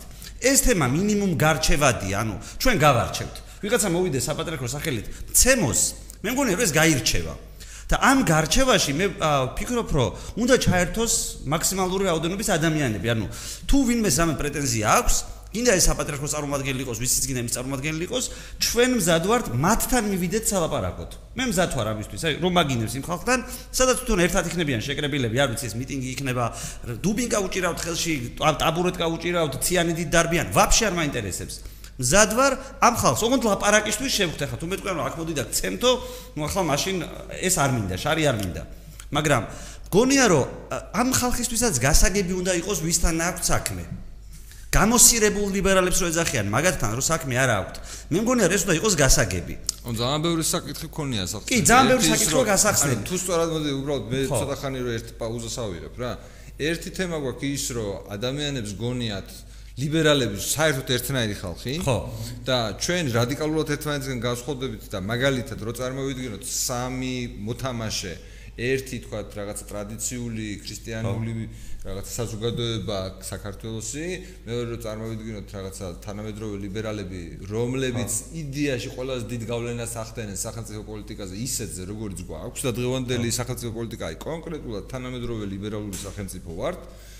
ანუ მემარცხენე სოციალისტური, ხშირად კომუნისტური გადახრებით და თქვათ მესამე ვარ ყველაზე ესეთი ჯგუფი კლასიკური ლიბერალები, ხო?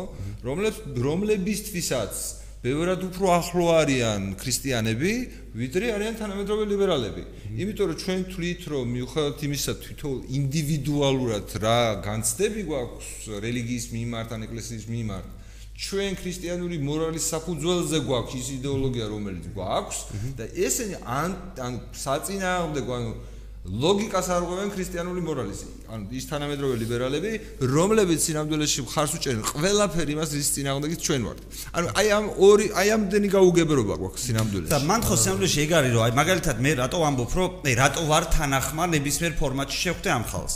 მე უბრალოდ ვერ წარმომიდგენია, რომ ვერ ავუხსნა ქრისტიანების სახელით მოლაპარაკე ადამიანებს, რომ მე გასალახი არა ვარ.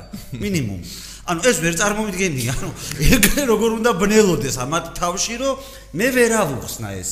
თან ამბიცია გვაქვს, ხო, რომ ახსნა შეგვიძლია რაღაცეების. ადამიანებთან ახსნა შეგვიძლია. ამიტომ, ოკეი, გინება არ არის ლაპარაკი. გინება არის ემოცია, რომელსაც გამოხატავთ, მაგრამ თუ ვინმეს რამე პრეტენზია გააჩნია იმ ხალხს, რომელიც იგი გინება, მე მზად ვარ, შეგროვდით, ანუ მართლა შეგროვდით, სადაც იქნება, არ ვიცი, თუ კიდე სათითაოდ მოდით აგერ გიჩის ოფისში. მნიშვნელობა არ აქვს. დავილაპარაკოთ. რაზე მაგინებენ მაინტერესებს. არა, მარტო შენზე არ არის. არა, არა, მარტო მე ჩემს გიჩზე ვლაპარაკობ. მაგინებენ მაგალითად წევა რაზე ვლაპარაკობდი, ანუ აგინებენ ქრისტიან მოძღვარსაც სხვათა შორის. ა მოქმედ მოქმედ მოძღვარსაც, რომელმაც თქვა, რომ ცუდია ქრისტიანობის სახელით ადამიანისთვის დარტყმა.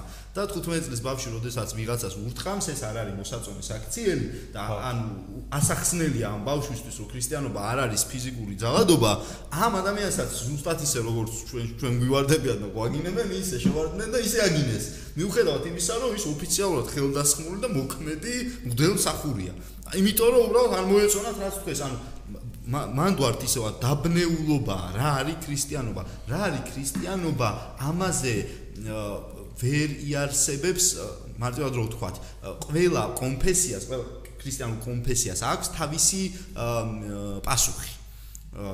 მაგალითად ბაპტისტურ ევანგელისტურ ეკლესიას შეიძლება ჰქონდეს განსხვავებული პასუხი მართლმადიდებლურ ეკლესიას შეიძლება ჰქონდეს განსხვავებული პასუხი. ეს დასაშვებია მაგრამ აქ არის ერთი სერიოზული პრობლემა. ჩვენ დღეს ყავს ხალხი საქართველოში, რომელიც თავს თვლის ქრისტიანად მართლმადიდებლად, მაგრამ არ იცის რას ნიშნავს ღვრები სად გადის. მე მაგალითად ბავშვობიდან ეკლესიაში გავიზარდე, მამა ჩემი იყო მოძღვარი და მე ყოველთვის თავს თვლიდი, რომ მე ვარ ქრისტიანული მართლმადიდებლური ეკლესიის წევრი. ან მე ესე მწამს, მაგრამ ძალიან ხშირ შემთხვევაში თუნდაც იგივე მამაჩემი რასაც მე მასწავლიდა და ის სხვა მოძღვრები რომლებიც დღეს ამბობენ რომ ვიღაც ხუთკაც შეიძლება გაეკიდო და ჩაქოლო დაუშვათ ან ის სურათი რომელიც მაშინ 17 მაისს ნახეთ ხო 2013 წელს თუ რა თუ 2013 იყო მე ხო? ანუ მე ეს ღრმად მწამს, რომ არ შეიძლება იყოს არც ზოგადი გაგებით ქრისტიანობა და არც კონკრეტული გაგებით მართლმადიდებლობა. მაგრამ იქ იყვნენ სასულიერო პირები, რომლებიც ამ პროცესს თავში ედგნენ, ხო? ანუ ამ კითხვებზე სანამ თვითონ ეკლესია პასუხს არ გაცემს და არ ითქმის, რომ ჩემი ოფიციალური პოზიცია, აი მე ვამბობ, რომ საქართველოს სამოციქულო მართლმადიდებელი ეკლესია. მე ვამბობ, რომ ქრისტიანობა მართლმადიდებლობა არის ეს და არ არის ეს. მანამდე ეს ქაოსი იქნება სულ. და მე მგონია რომ მათი გადასახედიდან ხარ ამ ჩვენ ვცდილობთ რომ ეს აბუხსნათ მაგრამ ძალიან რთული გასაგებია მე დამიჭერია ერთადერთი ლოგიკა.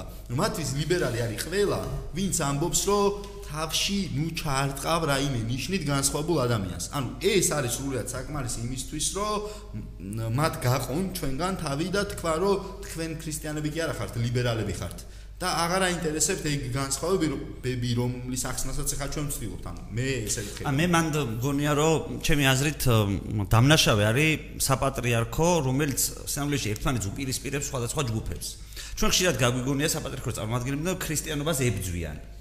აი ნახე სწოროს ვიღაცემა შემოგვიტიეს. სინამდვილეში ამ წუთას ამ ქვეყანაში ქრისტიანობას არავინ არ ებძვის ხო? ოღონდ იმის გამო რომ სიტუაცია დაიძაბოს რომ ვითომ რაღაცა ბრძოლა მიმდინარეობს ქრისტიანობის წინააღმდეგ ან გირჩი ებძვის, ან კიდე ვიღაცა მე დარწმუნებული ვარ, არც ხვები არ ებძვიან კონკრეტულად. ვისაც ბრძოლა ნიშნავს იმას, რომ ვიღაცას არ არაინტერესებს ეს ამბავი და სხვა ცხოვრებით ცხოვრობს. ამიტომ საზოგადოებას ყოველდღიურად ძაბავს აი ესეთი მიდგომები. მაგალითად, მე დარწმუნებული ვარ საქართველოში, აი ხელოვნურად რო არ ძაბავდნენ ადამიანები რაღაცა იმას რომ რაღაცა გეი არის რაღაცა სხვანაირი ადამიანი რომელიც რაღაცას საფრთხეს უქმნის ჩვეულებრივ საქართველოს მოსახლეობას ვისაც მე ვიცნობ, მათ შორის ჩემისგან რადიკალურ აზრზე მყოფ ადამიანებს.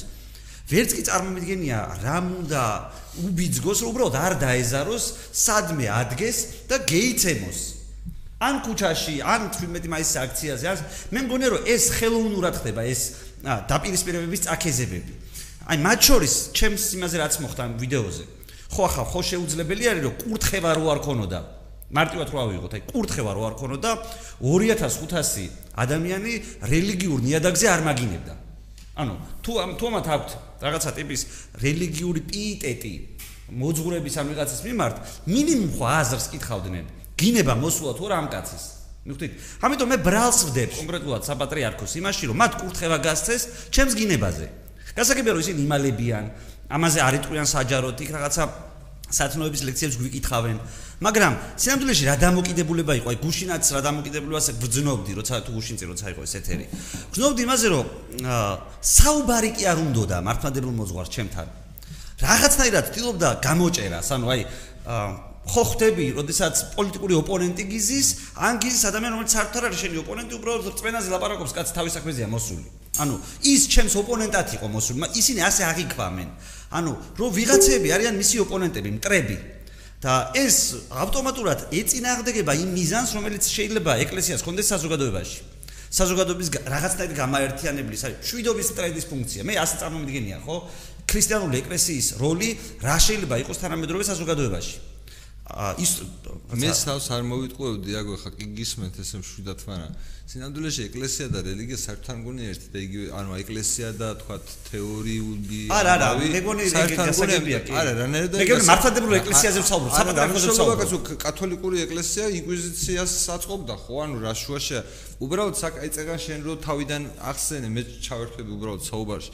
იმაში რა ქვია როდესაც ქრისტე მოვიდა ქრისტე ვერ იცნო ინსტიტუციონალიზებულმა ეკლესიამ. ანუ ეკლესიამ, რომელსაც უკვე თავისი დოგმატები, კაცრი რაღაცები ქონდა, როგორც წეგან ლაპარაკობდით და ელოდნენ და ელოდნენ, მაგრამ ვერ იცნეს, ხო? და კათოლიკურმა ეკლესიამ ბევრჯერ, ანუ ჩვენ ეკლესიაზე იმდენ იმდენ ინფორმაცია არ გვაქვს და ისეთი მასშტაბის ქმედებები არ განუხორციელებია, რაც მაგრამ კონკრეტულად კათოლიკურ ეკლესიას უამრავი შეცდომა აქვს, რომელზეც შეგვიძლია ბოდიში აქვს ბოლო პერიოდის განმავლობაში მოხდილი და ნუ აღიარებული აქვს როგორც შეცდომა. შესაბამისად, ახლა ეს პრობლემები დამახასიათებელია არა ქრისტიანობისთვის ზოგადად, არა არამედ ადამიანებისთვის, რომლებიც ქმნიან ინსტიტუციებს. ანუ ინსტიტუციაა ჩვენთანაც საპატრიარქო და ზოგადად ქართული მართლმადიდებლური ეკლესია, ანუ ინსტიტუციაა და ინსტიტუცია შეიძლება ქონდეს პრობლემები, რომლებსაც სათავეში რამე ქრისტიანული იდეა კი არ უდევს, არამედ უდევს ადამიანი, რომელსაც ასევე აქვს თავისუფალი ნება და ხშირ შემთხვევაში ირჩევს არასწორ რაღაცეებს. ასია, მაგრამ ჩვენთვის როგორც თქვა რაღაცა პოლიტიკი პოლიტიკო პოლიტიკოსებისთვის და ადამიანებისთვის, რომლებსაც სურვილი აქვთ, რომ გავლენა მოახდინონ როგორი წესებით ვიცხოვრებთ საერო სფეროში, ამ შემთხვევაში დიდი მნიშვნელობა არ აქვს, ხო, ანუ ჩვენ ჩვენ რაღაც ანუ როგორი იქნება რომელიღაც ინსტიტუტი არ გვაინტერესებს, მაგრამ ამ ინსტიტუტს აქვს პოლიტიკური გავლენა მოსახლეობის უდიდეს ნაწილზე, რომელთან საუბრის აკრძალვა ჩვენთვის არ მოსულა. ანუ ამაზე ვსაუბრობთ. არ მოსულა ამ ადამიანებთან საუბრის აკრძალვა და მათთვის და ჩვენ ანუ აი ათინცნება რომელიც გვაქვს, ანუ ჩვენ სათითაოდ როგორც შენი ძახი რომ შეგვიძლია გავიაროთ და ვნახოთ რომ ყველაფერი იმისის ანუ კაი, თუ არ წავიკითხავთ ბიბლიას, აი როგორც სწორეს აიძახება სხვადასხვა ეკლესიამ, სხვადასხვა კონფესიამ უბრალოდ სხვადასხვანაირად შეიძლება გაიგოს. როგორც მინიმუმ 10 წინადადებაზე ხო შეიძლება შევთანხმდეთ. ანუ როგორც მინიმუმ იმაზე ხო შეიძლება რომ შევთანხმდეთ, რომ სუ ანუ წეგან ჯაფარამ რა ჩამოთვალა ხო არის სამი რაღაცა. ერთი რომ ანუ არა კაცკლადან რო დავიწყოთ, ხო? ეს ყველაზე მნიშვნელოვანი, იმიტომ რომ თუ კაცს მოკლავ, ნუ დანარჩენი მე მე მჯერა რომ მაინც ყველაზე მნიშვნელოვანი ეს არის პოსტულატია. არც ერთი მოტივით არ შეიძლება კაცის კლა. კან მოკლედ არა კაცკლა, ანუ ანუ არც ერთი მოტივით რა თავდაცვის მიზნით მოსულა. არა, არა, აქ ამ შემთხვევაში ქრისტიანობის დაცვის მოტივით არა ვერ არ შეიძლება, ხო? რეალურად ესე იგი ჩვენ ვუყურებთ საკუთრების ნაწილს რამოდენიმე ცნებაში. ერთი ის რომ სიტყვაზე არა იპარო არის საკუთრების დაცვა, რომ არ გინდოდეს შენი მეზობლის თუ მოყვასის ქონება და ასე შემდეგ და ასე შემდეგ. ასევე არის საკუთრების თემა. ანუ ჩვენ შეგვიძლია კიდე ანუ იდეაში თავის დროზე როგორც ჩანს მე ესე წარმომიდგენია ყოველ შემთხვევაში იმ პერიოდის ადამიანებისთვის გასაგებ ენაზე ჩამოყალიბებული იყო რამოდენიმე ფრაზად სამი პრინციპი ხო ანუ რაც ახლა ჩვენ ჩამოთვალეთ, უბრალოდ შეგვიძლია დავაჯგუფოთ ესენი, რომ რაღაც ეხება საკუთრების დაცვას და რატო ეხება ეს საკუთრების დაცვას? იმიტომ ეხება, რომ თუ ადამიანებს უსამართლოდ წავართმევთ საკუთრებას, ამ ადამიანებს აღარ მოუნდებათ შრომა და რაიმეს გაკეთება. ანუ ეგეთი ადამიანის ბუნება გამოცნობილია ან ან ვიღაცამ ზუსტად იცოდა როგორი იყო ადამიანის ბუნება და თქვა რომ თუ ადამიანებს ამას უზავთ ეს არ მოსულა. ან ბევრი წლების განმავლობაში დააკვირდა და მე უბრალოდ აღწერა და თქვა რომ ეს წესები არის სხვადასხვა მეთოდით შეიძლება და ის რომ როდესაც აი ეს ამბავი ხდება აცნებას აძლევს რას ეუბნება რომ შენო იმიდან რა ქვია ცოტა ხნის წინ რომ მონობიდან გამოგიყვანეო ხო? ანუ რატო რატო უნდა დამიჯერო? იმიტომ რომ მონობიდან გამოგიყვანეო. ანუ ეგვიპტის მონობიდან გამოყვანა არის ერთ-ერთი რაღაცა საფუძველი რატოც აძლევს ამ აცნებას ამ წესიერად ცხოვრების წესებს ღმერთი ადამიანებს, ხო? ანუ თავისუფლება არის, რო თქვენ, რაღაც ცენტრალური საკითხი, იმიტომ რომ შენ თუ თავისუფალი არ ხარ, ვერც კარგი იქნები და ვერც ცუდი იქნები, ხო? ანუ ხო შინაარსი ეს გამოდის. წარმოვიდგინოთ, რომ მართალი იყოს ნებისმიერი ის დოგმატური ინსტიტუტი, რომელმაც ზუსტად იცის რა არის სწორი და რა არის არასწორი.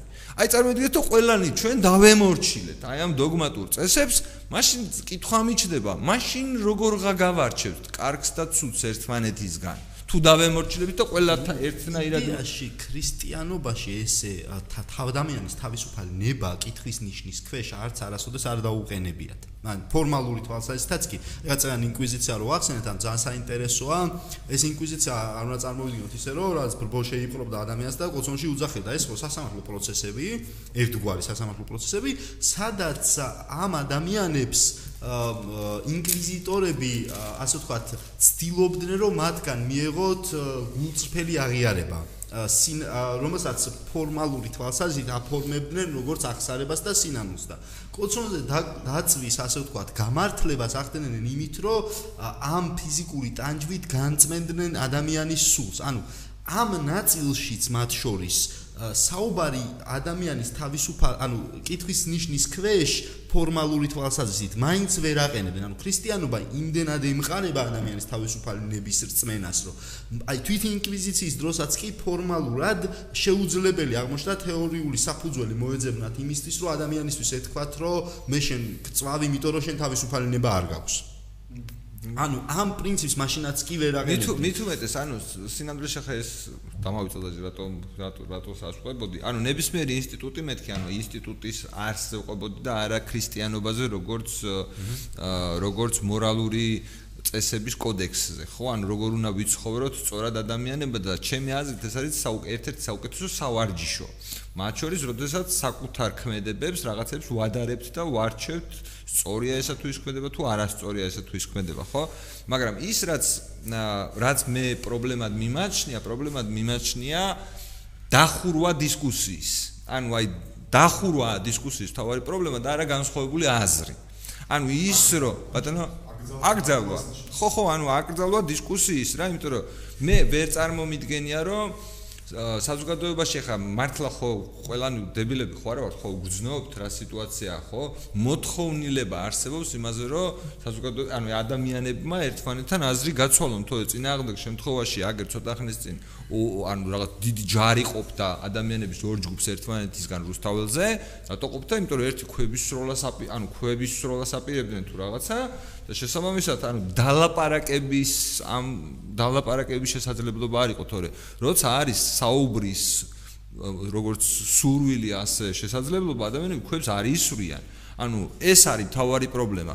და მე ვფიქრობ რომ ჩვენ ის უნდა მოვახერხოთ რომ რამენაირად ცადოთ თუ ვაიძულოთ როგორც მორწმუნეები ისე ალბათ მათ შორის სასულიერო პირები ანუ სასულიერო პირებსაც თხოვოთ მივმართოთ რომ შემოვიდნენ ამ დისკუსიაში აგვიხსნან რა პრობლემას ხედავენ ჩვენს რწმენაში. შეიძლება ჩვენ ახლა დიდ დროს არ ვუთმობთ რა წმინდა წერილის შესწავლას, მაგრამ გვაქვს პრეტენზია რომ იგივე პრინციპებზე მოქმედ, იგივე პრინციპების დაცვით მოქმედებთ, ხო? და ვიღაცამ თუ არ ამიხსნა რაში ვწდები, საერთოდ გაუგებრობაში ვრჩები. ანუ აი ამ პრობლემას გძნობ მე პირადად. ასე გეტყვიან მოძღვართან მიდი და აღიხსნის. არა მოძღვართან მოძღვართან რა უჩვეულებრივ ადამიანებთან მისაუბრია ამ თემაზე ხო? ანუ რეალურად გონია რომ ძალიან ქრისტიანულ რაღაცას ვაკეთებთ ზოგადად რა. ანუ ძალიან სწორ რამეს ვაკეთებთ. მე ვერ ხვდები ხარ რას ჩვენ ამბობ? აი მაგნაცილში მოძღვარმა რა უნდა აუხსნას რა უნდა უთხრას რომ იქ არ წერია რომ რაღაც რაღაც სიტუაციაში მოპარვა მოსულა, ანუ მაგას არა, არა, თემები რო ჩამოთვალოთ, ხო რა, თემებზე კონკრეტულად ხო პრაქტიკულ თემებზე ვსაუბრობ.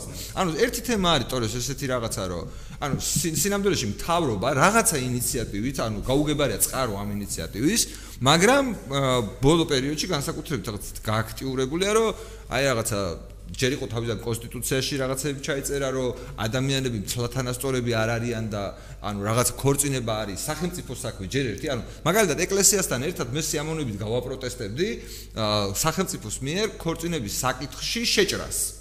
ხო? ანუ ჩემი აზრით ეს საერთოდ საგები რო იყოს სახელმწიფო საერთოდ მეოდე და ეგ დარჩეს ეკლესიის კომპეტენციაში ეკლესიის და ადამიანების კომპეტენციაში ხო? პრობლემა რომ სა მის ჯურისწერის მოწმობს არ აღიარებდა სახელმწიფო. დაუშვათ და ამბობდა რომ ეს არ არის ჩემთვის არ ვცნობ კი ბატონო. ანუ ეს ეს ეს კონკრეტული საკითხი. ცოტა ხნის წინ ანუ ისევ აღმოჩნდა რაღაცა საკითხი რომელიც ვიღაც ადამიანებს და სასამართლოს აძლევს საშუალებას რომ გააჩეროს ანუ ანუ გამოქვეყ არ გამოაქვეყნებინოს ამოიღოს ამოიღოს ანუ დააცენზუროს ცენზურა შემოიტანოს ხატრული ნაწარმოებები ხატრული ნაწარმოებების ხო? ანუ რეალურად პირდაპირ სიტყვის თავისუფლების წინააღმდეგ მიმართული სახელმწიფოს ქმედება ფორმალურად. მაგრამ ამ ფორმალურ სახელმწიფოს ქმედებას უფრო დიდი ენთუზიაზმით იცავს რაღაც მრევლი და მორწმუნე ადამიანები რომელიც პრინციპულად მგონია რომ მათი ინტერესების 180 გრადუსი საწინააღმდეგოა.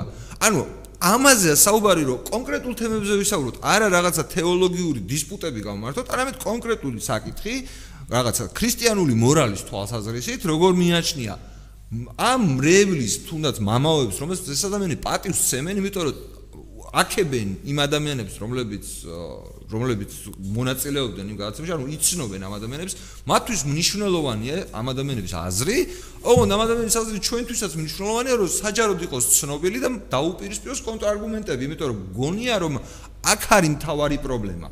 ამ კონკრეტული საკითხების გადატანა, ანუ ძალადობაზეა პრობლემა, ხო? ანუ სინამდვილეში რას ვითხოვთ?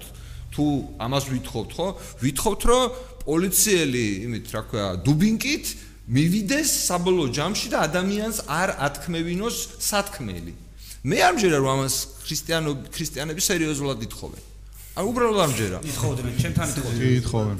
ხო, არა, ბაი. ეგეც ხო ის არის, რომ იდეაში აა მანდაც საბოლოო ჯამში რაღაც ფუნდამენტური რაღაცა არ ესმით, იმიტომ რომ შეიძლება ის დაიწყე თავიდან პირველად იყოს სიტყვა, ხო, მაგრამ მაგას ხო შინამდვილეში ეგ აზრია, რომ ეხა კი იდეაში შოლაპარაკოთ რა სიტყვის თავისუფლებაზე როგორც უფლებაზე, მაგრამ საბოლოო ჯამში სიტყვის და გამოხატვის თავისუფლება არის იდეაში ერთადერთი მექანიზმი, რომელიც აქვს ადამიანს და არ აქვს სხვა არანაირ არსებას დედამიწაზე, რომელიც ჩვენ შაშობას გვაძლევთ, რომ ჭეშმარიტება ვეძებოთ რა.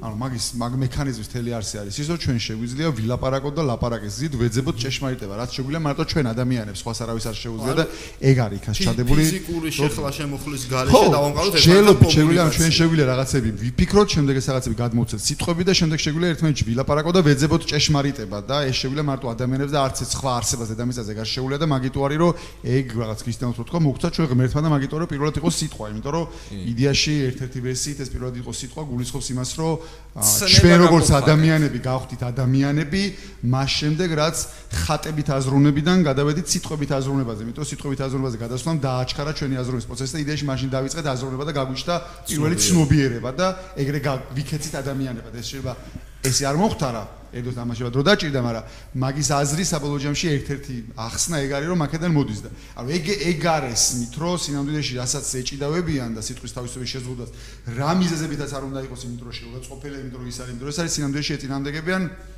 ამ რელიგიის თავარ ფუნდამენტს, პირველ ფუნდამენტს ეწინააღმდეგებიან, მიდით იწება საბოლოო ჯამში ეს ყველაფერი. მაგას ანგრევენ, იმიტომ რომ ამბობენ, რომ რო ვიდეოში მიაგნეს ჭეშმარიტებას. ანუ ნაპოვნი ჭეშმარიტება, ხო, მივაგენი ჭეშმარიტება, ჩვენთვის ჭეშმარიტება ეს არის, ეს არის, ეს არის და მორჩა და ამას, ანუ ამაზე რაღაცა ზედმეტი კიდე ფიქრი და აზროვნება და ლაპარაკი და რაღაცა აღარ არის საჭირო, იმიტომ რომ, ნუ, საუბრობთ ხა ეს გინებას ხო რაღაც იმისგან არ მოდის, ანუ რაღაც თვალსაზრისით მე მგონი რომ მართლა ეგრეა რომ ფიქრობენ რომ რაღაც ჭეშმარიტებას მიაგნეს, ეს ჭეშმარიტება რაღაცნაირად აქ თავის გონებაში დაალაგებული და წარმოდგენილი, იმის იქით ფიქრი და აზროვნება იდეაში ალბათ აღარც უნდათ და ფიქრობენ რომ ჩვენ როდესაც ლაპარაკობთ ბევრს და რაღაცებს ვარჩევთ და ამ ამ საუბრით რაღაც თვალსაზრისით მათ უფთხით უქმნით საფრთხეს. მათ თუ არა შეიძლება მათ ახმაში მათ შვილებს უქმნით საფრთხეს, იმიტომ რომ ვაიდა მათმა შვილებმა ჩვენ მოგვისმინონ და მე რეხო მათი შვილები მათ აღარ დაუჯერებენ და იმ ჭეშმარიტებას ხო დაკარგავენ და ეგ არის მე მგონი რასაც მე გადმოცემე ხოლმე რომ ქართულობა დავკარგეთ, ქარის დავკარგეთ, მეობა დავკარგეთ,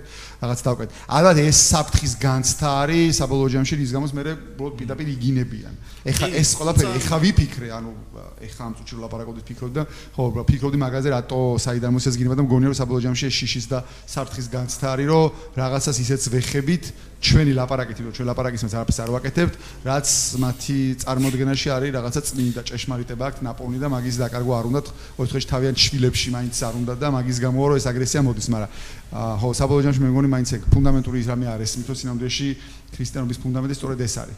ხო ციტვის თავისუფლება ამას თუ კეტავ მაშინ არაფრით განსხვავდები რაღაცა ფუნდამენტალისტური ისეთი რელიგიებისგან რომელსაც ბევრი სხვა რაღაცა ძიმე შედეგები მოუტანა, მაგრამ შემთხვევაში დასავლური ცივილიზაცია, რომლის ნაწილი ჩვენ ვართ, დგას ამაზე. ამაზე დგას სინამდვილეში სიტყვის გამოხატვის და აღსანიშნავების თავისუფლებაზე. შანს სვამენ ვართ თუ არა ჩვენ დასავლური ცივილიზაცია.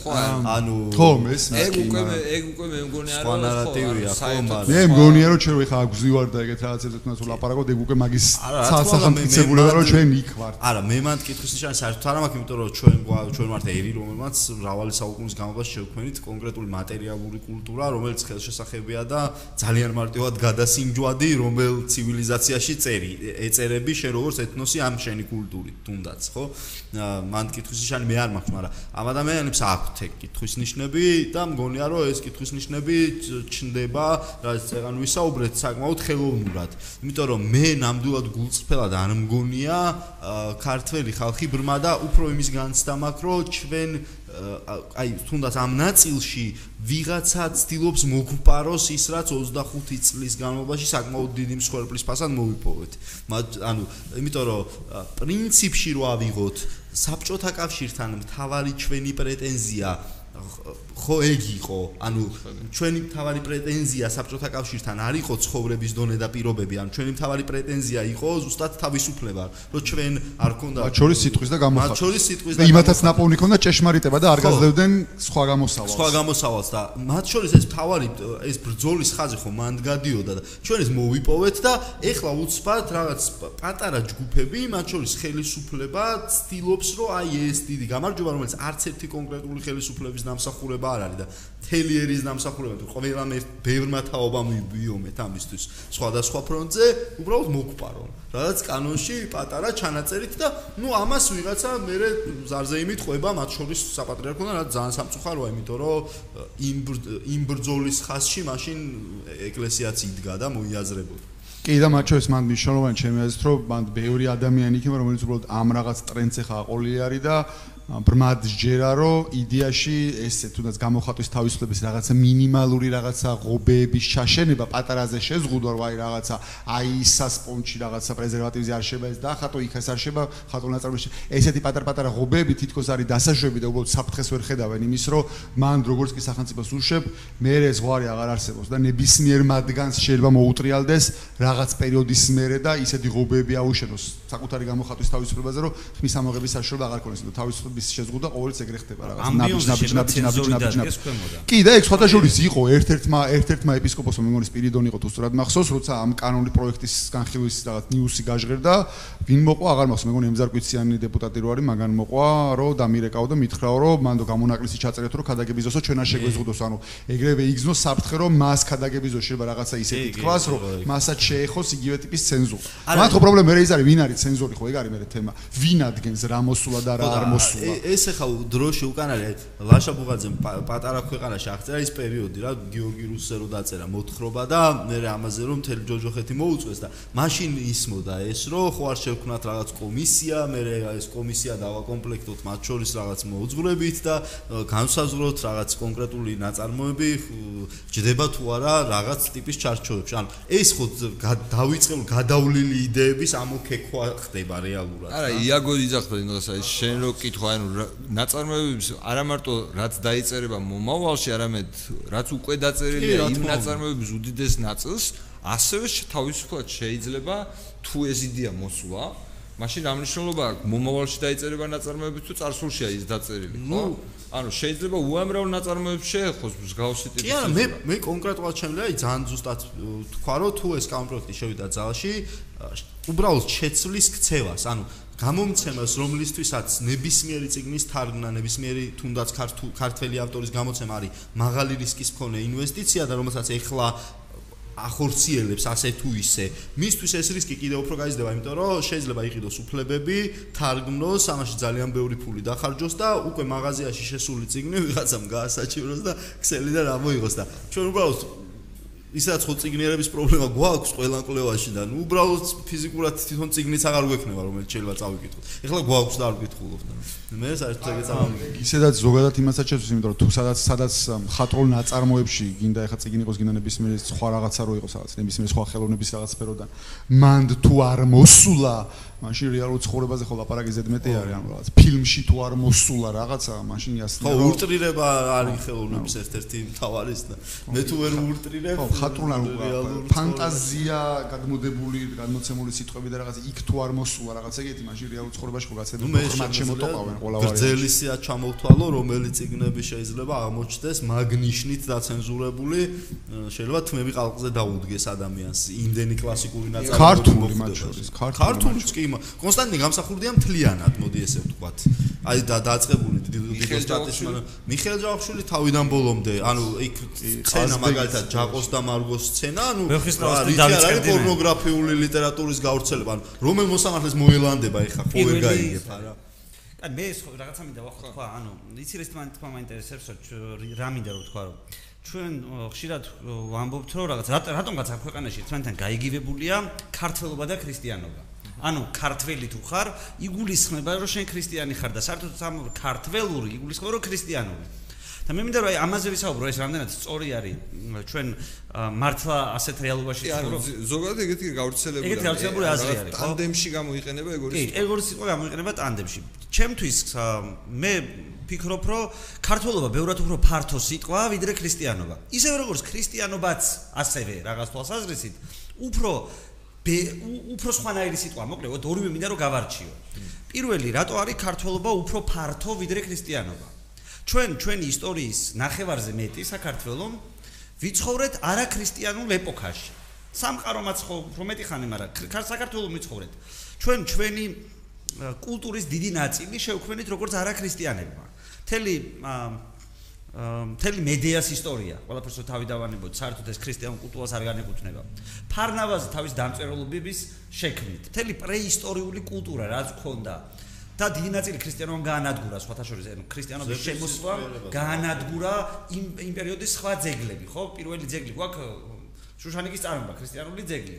მე არ მჯერა, არ მჯერა, რომ მანამდე ჩვენ დამწერლობა გქონდა დიდი ხნის მანძილზე. და პირველი ძეგლი ქრისტიანული დავწერეთ და მანამდე არაფერს არ წერდით, ხო? ანუ გარკვეულ შემთხვევაში ქრისტიანობა რაღაც თვალსაზრისით ცენზორი იყო, მაგრამ ნებისმიერ შემთხვევაში ჩვენ გვაქვს ისტორია ქრისტიანობის გარეშეც და ეს ისტორია ძალიან მნიშვნელოვანია. სოფლიო მიცის, მედია სოფლიო მიცის. ყავს ადამიანების მოსახლეობის ნაწილი, რომელიც ქრისტიანი არ არის. დღეს. დღეს, დღეს ამ რეალობაში. ქრისტიანი არ არის და ქართველია. საქართველოს მოქალაქეა. მათ მიერ შექმნილი პროდუქტი, მათ მიერ შექმნილი კულტურული, არა მხოლოდ კულტურული, მაგრამ კულტურული პროდუქტიც საქართველოს ნაწილი არის და ჩვენ ამ მრავალფეროვნებით ვართ მდიდარი. ამიტომ მე არ მინდა ვთქვა, რომ საქართველოს მხოლოდ ქრისტიანები არიან, ან მხოლოდ ქრისტიანულია. ეს ძალიან გააღარიბებდა ჩემს ქვეყანას. მეორეს მხრივ, ქრისტიანობა არის რელიგია, რომელსაც არ გააჩნია ეროვნება. ანუ ქრისტეს ეროვნების მიხედვით არავინ არ გამოურჩევია. აა ჩვენ 64-ში არ შევდივართ იმის გამო რომ ქართველები ვართ. აა რა ვიცი, რუსები არ შედიან იმიტომ რომ რუსები არიან. ჩვენ ქრისტეში თანასწორები ვართ ჩვენი ეროვნულობის მიუხედავად. და ამავდროულად ყოველდღიურად ერთმანეთთან ვაკავშირებთ და ვამბობთ რომ თუ ქართველი ხარ ქრისტიანი როგორ არ უნდა იყო? ამ პირიქით. თუ ქრისტიანი ხარ ქართველი როგორ არ უნდა იყო?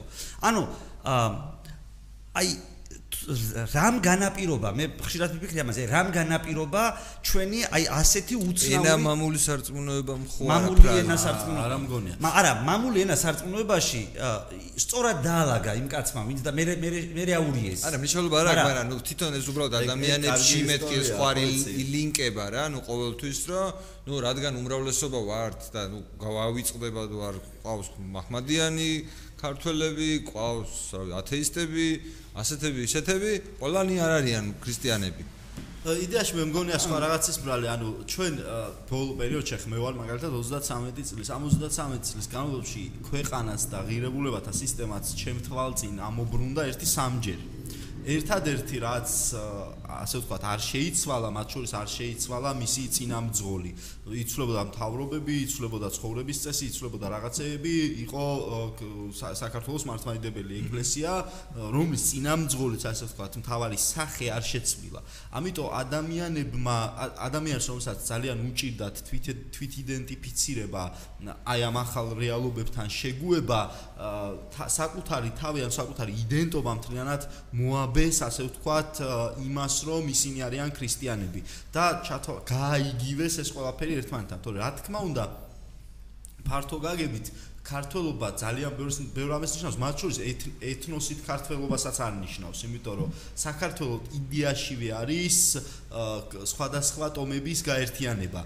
და ჩვენი ისტორიაც ესეთი ანუ სულ თავი ბოლო ერთიანი საქართველოს ისტორია არის თუ სწორად მახსოვს 495 წელი ანუ ბაგრატ მესამიდან იწყება და გიორგი მე თუ მეცხრით თავდება და ძალიან დიდხანს ჩვენ ცხოვრობდით სალსალკე ანუ საქართველოს სახელმწიფოს იდეა ეფუძნება აი ამ განსხვავებული ტომების თანაცხოვრებას რომლებშიც ვიღაცა იყო მათ შორის იღებდა ისლამს ვიღაცა დაუშვათ რამე სხვა რელიგიას სხვადასხვანაირი ახსნა შეიძლება იყოს ნებისმიერ შემთხვევაში მაგრამ აი მე რო ვუყურებ აი რაც არ უნდა იყოს ახსნა ხო? ანუ თუნდაც ქართველობა შეიძლება თუ არა მოვის მოვისაზროთ მეორე მცნებაში რაც არის არ აქმნე თავისა შენისა კერპები ანუ რეალურად შენთვის ღმერთი შეიძლება იყოს მხოლოდ ჭეშმარიტება ხო? ანუ ნებისმიერი სხვა რამ რომელიც ჭეშმარიტებაზე უფრო მაღლა დგას მე გამყავს კერპის კატეგორიაში ეს კერპის კატეგორია ანუ შეიძლება იყოს საკუთარი არ ვიცი რაღაცა ქონებისადმი სწრაფვა ის რა რა ვიცი რაღაცა უცნაურობები მაგრამ მგონია რომ მათ შორის თუ ჭეშმარიტ რწმენაზე და რაღაცას ვთქვათ, ყველაზე მნიშვნელოვანი არის სიმართლე. ანუ ჭეშმარიტება რისის გჯერა და ამ ჭეშმარიტებაზე მაღლა რას არ უნდა დავაყენოთ, ყველაფერი გავა ისეთ კატეგორიაში, რომელსაც ფაქტურად მეორე ცნებით გვიგძალავენ. ანუ თუ ამ ცნებების გჯერა. ხო, რომ მაგ მაგასაც ხო, ანუ მაგ ჭეშმარიტების ძიების მექანიზმი არის ისე და ისე ეს სიტყვის თავისუფლება და ეგ ჭეშმარიტებაც იდეაში იმისთვის გჭირდება, რომ რაღაცა აა ყალბი წარმოადგენები არ კონდეს თუნდაც იგივე სამყაროზე და ცხოვრებაზე და შემდეგ მაგისტრის სჭირდება რომ საბოლოო ჯამში გარკვევ თავს ხო შეიძლება თავს იტყუებდე და სწორად ცხოვრობდე რანაირად შეიძლება ხო ანუ შეუძლებელია ხო თან ერთი ჭკვიანი კაცის ის გამახსენდა უბრალოდ უნდა თქვა ანუ სინამდვილეში აი ღმერთს რო დავარქვათო ის რაც არ ვიცითო ანუ მართლა ხო ესე იყო ხო ანუ სინამდვილეში ერთი პერიოდი გვეგონა რომ რაც ბიბლიაში ეწერა ყველაფერი იყო ბუკვალურად სიმართლე რაღაც პერიოდის განმავლობაში, როდესაც მეცნიერება და კაცობრიობა ზოგადად ვითარდებოდით, ნელ-ნელა რაღაც რაღაცები აღმოვაჩინეთ. მაგალითად, ნიუტონი იყო ძალიან ისეთი მორწმუნე ადამიანი. ნიუტონმა როდესაც აღმოაჩინა თავისი კანონები, ნიუტონის კანონები, ანუ რაღაც პონჩი აი ამ იმიდან რაც არ ვიცოდით იქიდან რაღაცა განათდა და შესაბამისად ეს გახდა ადამიანებისთვის უკვე ცნობილი ამბავი, ცოდნა გახდა, მაგრამ მიღმა ისევ დარჩა მისთვის ღმერთი. როგორც ასე. ანუ რეალურად რა გამოდის რომ ჩვენ მუდმივად ვაფართოვებთ ცოდნას, მაგრამ აი წარმოვიდგინოთ წრე, ეს წრე რაც უფრო ფართოვდება, მით უფრო მეტი ფართობი აქვს შეხების იმასთან რაც არ ვიცით. ანუ რაც უფრო მეც გავიგებთ, უფრო მეტი გვეცოდინება რომ არ ვიცით. და წარმოვიდგინოთ რომ ღმერთი იყოს ის რაც არ ვიცით, ხო? და ეს ყველაზე მნიშვნელოვანია ის რაც არ ვიცით, ვიდრე ის რაც ვიცით. ანუ ადამიანი ხო რა შვება? ადამიანი იმისთვის რომ გადავრჩეთ, მუდმივად კაი ამ ცოდნის ზღვარზე მიდის, რომ რაც შეიძლება მეტი და მეტი გავიგოთ, რომ მეტი და მეტი შესაძლებლობა გქონდეს იმის იმისთვის, რომ ანუ ხო, ვიფუნქციონიროთ, ვიცოცხლოთ, გავუმკლავდეთ გარემოს, ქაოსს და ასე შემდეგ, ხო? და წარმოიდგინეთ რაღაც მომენტში, როგორც კი ჩვენ ჩავთვლით, რომ საკმარისი ვიცით და აი ეს გაფართოვება აღარ გჭირდება, აი მაშინ დადგება ის მომენტი, როდესაც წარღვნაა საჭირო. ანუ მაგ შემთხვევაში ვისჯებით, იმიტომ რომ აღარ ვემზადებით იმ შესაძლებლობებისთვის, რომელიც ჩვენს გარშემო ყოველთვის საფრთხის სახით არსებობს, ნებისმიერ შემთხვევაში. არასოდეს არ გვეცოდინება იმდენი, რომ საკმარისი იყოს ჩვენი გადარჩენისთვის, ანუ გაჩერება ნიშნავს სინამდვილეში სიკვდილს. კი. გაჩერება ჭეშმარიტების ძიებაში. გაჩერება ჭეშმარიტების ძიებაში ნიშნავს იმას, რომ მოუკვდებით უბრალოდ. ანუ მე ესეთი ძალიან მაგარი მე მეც ეგრე მჯერა სხვათაშორის. რომ სიკვდილი ნიშნავს გაჩერებას. კი. პროცესი. სიცოცხლე თავისთავად არის მოძრაობა რა.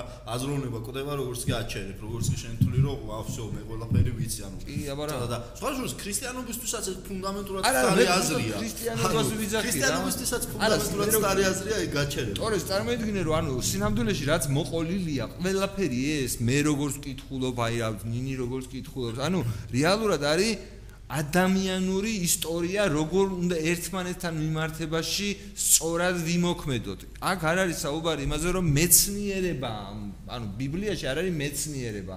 მეცნიერება რაღაცა იზომება, უკვე ვიცით რომ კუზე არ დგას, ვიცით რომ რაღაცა ის ვეშაპზე არ დგას და ასე შემდეგ. ხო, ანუ ხო იყო ეს პერიოდი, როდესაც ბუკვალურად გვესმოდა რაღაც რაღაცეები. მან და ერთი რაღაცაც არის, რა ვიცი, არის რაღაცეები, რადგან უბრალოდ იმ პერიოდში ადამიანებს არ ჰქონდათ სამეთყველო ენა. ანუ ლექსიკა არ ჰქონდათ, ვერ გადმოცემდნენ ცნებებს და ამიტომ უწევდათ იმ ლექსიკური მარაგისთვის და იმ ცოდნის შესაბამისად აეხსნათ რაღაც მოვლენები. ხალია. ანუ სახედარზე ხო არ და დაწერდა Mercedes-ზე, Bugatti-ზე და არ მოგინდეს მოყვასისა შენისა Bugatti. ხო. ანუ ეხლა არ ვიძახით, ხო? ანუ უბრალოდ წერია კარაული. დაუშვათ, ან დაუშვათ შეიძლება არიცოდნენ რომ აი რაღაცა დაუშვათ იწევს ამას. ანუ სამედიცინო ტერმინი არ არსებობდა, ამიტომ თქვით რომ ეს არის ცოდვა, ანუ ცოდვა თავისი შინაარსით ხშირად ნიშნავს იმასაც, რაც მათ შორის ჩვენ სხეულს აზიანებს და რაზეც მე გვიან გავარკვიეთ, სამრო სამედიცინო თვალსაზრისით ეს მართლა მავნე იყო. და უბრალოდ იმ პერიოდში არ არსებობდა ის სამედიცინო ტერმინი, რომელთაც შეიძლება ეს გადმოგვეცდა და ამიტომ ეს ყველაფერი გაერთიანდა ერთ სიტყვაში და მას ეწოდა ცოდვა. ეგეცად მინდა რომ აი მე მე კიდე ერთი პრობლემა რომელიც ჩვენ ანუ აი მათ შორის ქრისტიანობას რო საქართველოსში რაც აქვს არის თანასწორობის პრობლემა. ანუ ანუ თანასწორობის პრობლემაში რას გულისხმობ? მაგალითად საქართველოსში რამდენად თანასწორია მოძღვარი და მრევლი რამდენად არიან ესენი თანასწორო, რამდენად იგრძნობა, რომ თანასწორობა არსებობს მოლაპარაკებებ, მოლაპარაკეებს შორის, ანუ ადამიანზე, რომელიც ქრისტიანობა, ადამიანი, რომელიც ქრისტიანობაზე გელაპარაკება, რამდენად თვლის საკუთარ თავს შენს თანასწორად. მე მგონი აი ამბიონზე ლაპარაკი, მგონია რომ პირდაპირ გაგებით ვაქვს გაგებული, ანუ ეგეთი ადამიანები, ვინც ამბიონიდან გველაპარაკება, გველაპარაკება როგორც არათანასწორი. მე ამ ტონალობას ბძნობ. ეს არ არის დიალოგის ტონალობა. და სწორედ ამიტომ ვერ ვახერხებთ ჩვენაირი ადამიანები, რომლებიც ადამიანებთან ნებისმიერი ურთიერთობის საწყის წერტილად მივიჩნევთ თანასწორობას. ანუ ჩვენ ხო არავის არ ველაპარაკებით არას თანასწორი პოზიციიდან. არც თქვენ მდგომის პოზიციიდან არ ველაპარაკებით, არც ძემ მდგომის პოზიციიდან არ ველაპარაკებით. და მე ვფიქრობ, რომ ეს ხო არ გვიშლის ხელს აა დიალოგის წამოწყებაში, რამე ტიპის ჯელობის შესვლაში. ანუ მე ვფიქრობ, რომ ვიღაც ადამიანებს ვიღაც ადამიანები არ თვლიან, რომ ადამიანებთან თანასწორნი არიან. არა, ნუ ერთმნიშვნელოვნად არ თვლიან, ანუ თუ მაგას თვლიან რომ რაღაც იყვნენ თავისთვის რაღაცა ნუ გამოჩდებიან ანუ ეს ფრაზები ხო ძალიან ხშირად გვესმის ვიღაც კონკრეტულ კონკრეტულ ნიშანთვისებებით დაჯგუფებულ ადამიანებზე მნიშვნელობა არ აქვს რა იმით დააჯგუფებენ LGBT-ს დაუძახებენ რაღაცა სექტანტებს დაუძახებენ. ნე ნები თუ რაღაცა ლიბერასტებს თუ ასე შემდეგ. ანუ ესენი ქმნიან რაღაც ადამიანების ჯგუფებს რომლებსაც რომლებზე აღმატებულადაც თავის თავს მიიჩნევენ. მე ანუ მეორე საკითხია რა რა ობიექტური თვითონაც იერარქია აქვს. ეკლესიაში იმითაც არსებობს ასეთი იერარქია. ეს იაგო ნებისმიერ ინსტიტუტში ასე. არა, დელებს არ არის ინსტიტუტი. დელებს შორის არ ვამბობ. მე ვამბობ მოძღვარს და ადამიანს შორის. რომელს სადაც არ არსებობს იერარქია. ის მოძღვარი ადამიანს თანასწორად ელაპარაკება ქრისტიანობაში ეს ასეა. მაგრამ მე ვერ ვგრძნობ თქო ამას, აი ხშირ შემთხვევაში ვგრძნობ, აი თუ გახსოვთ ის ვიდეო, მგდელი რო თავში ურტყამს ვიღაცას იმ ქორწილის წინ თუ რაღაცის წინ. ანუ ან მან თქვენ თანასწორობას გრძნობთ, ეგრევე ექცევიან თანასწორ ადამიანები ერთმანეთს. ამიტომ ერთ-ერთი პრობლემა ესეც არის, ანუ მოძღურებს, ჩემი აზრით, ბოლომდე არ აქვთ გააზრებული, რომ ისინი თანასწორები არიან სხვა ადამიანებთან. და არც ადამიანებს არ აქვთ ეს გააზრებული. მივხვდით?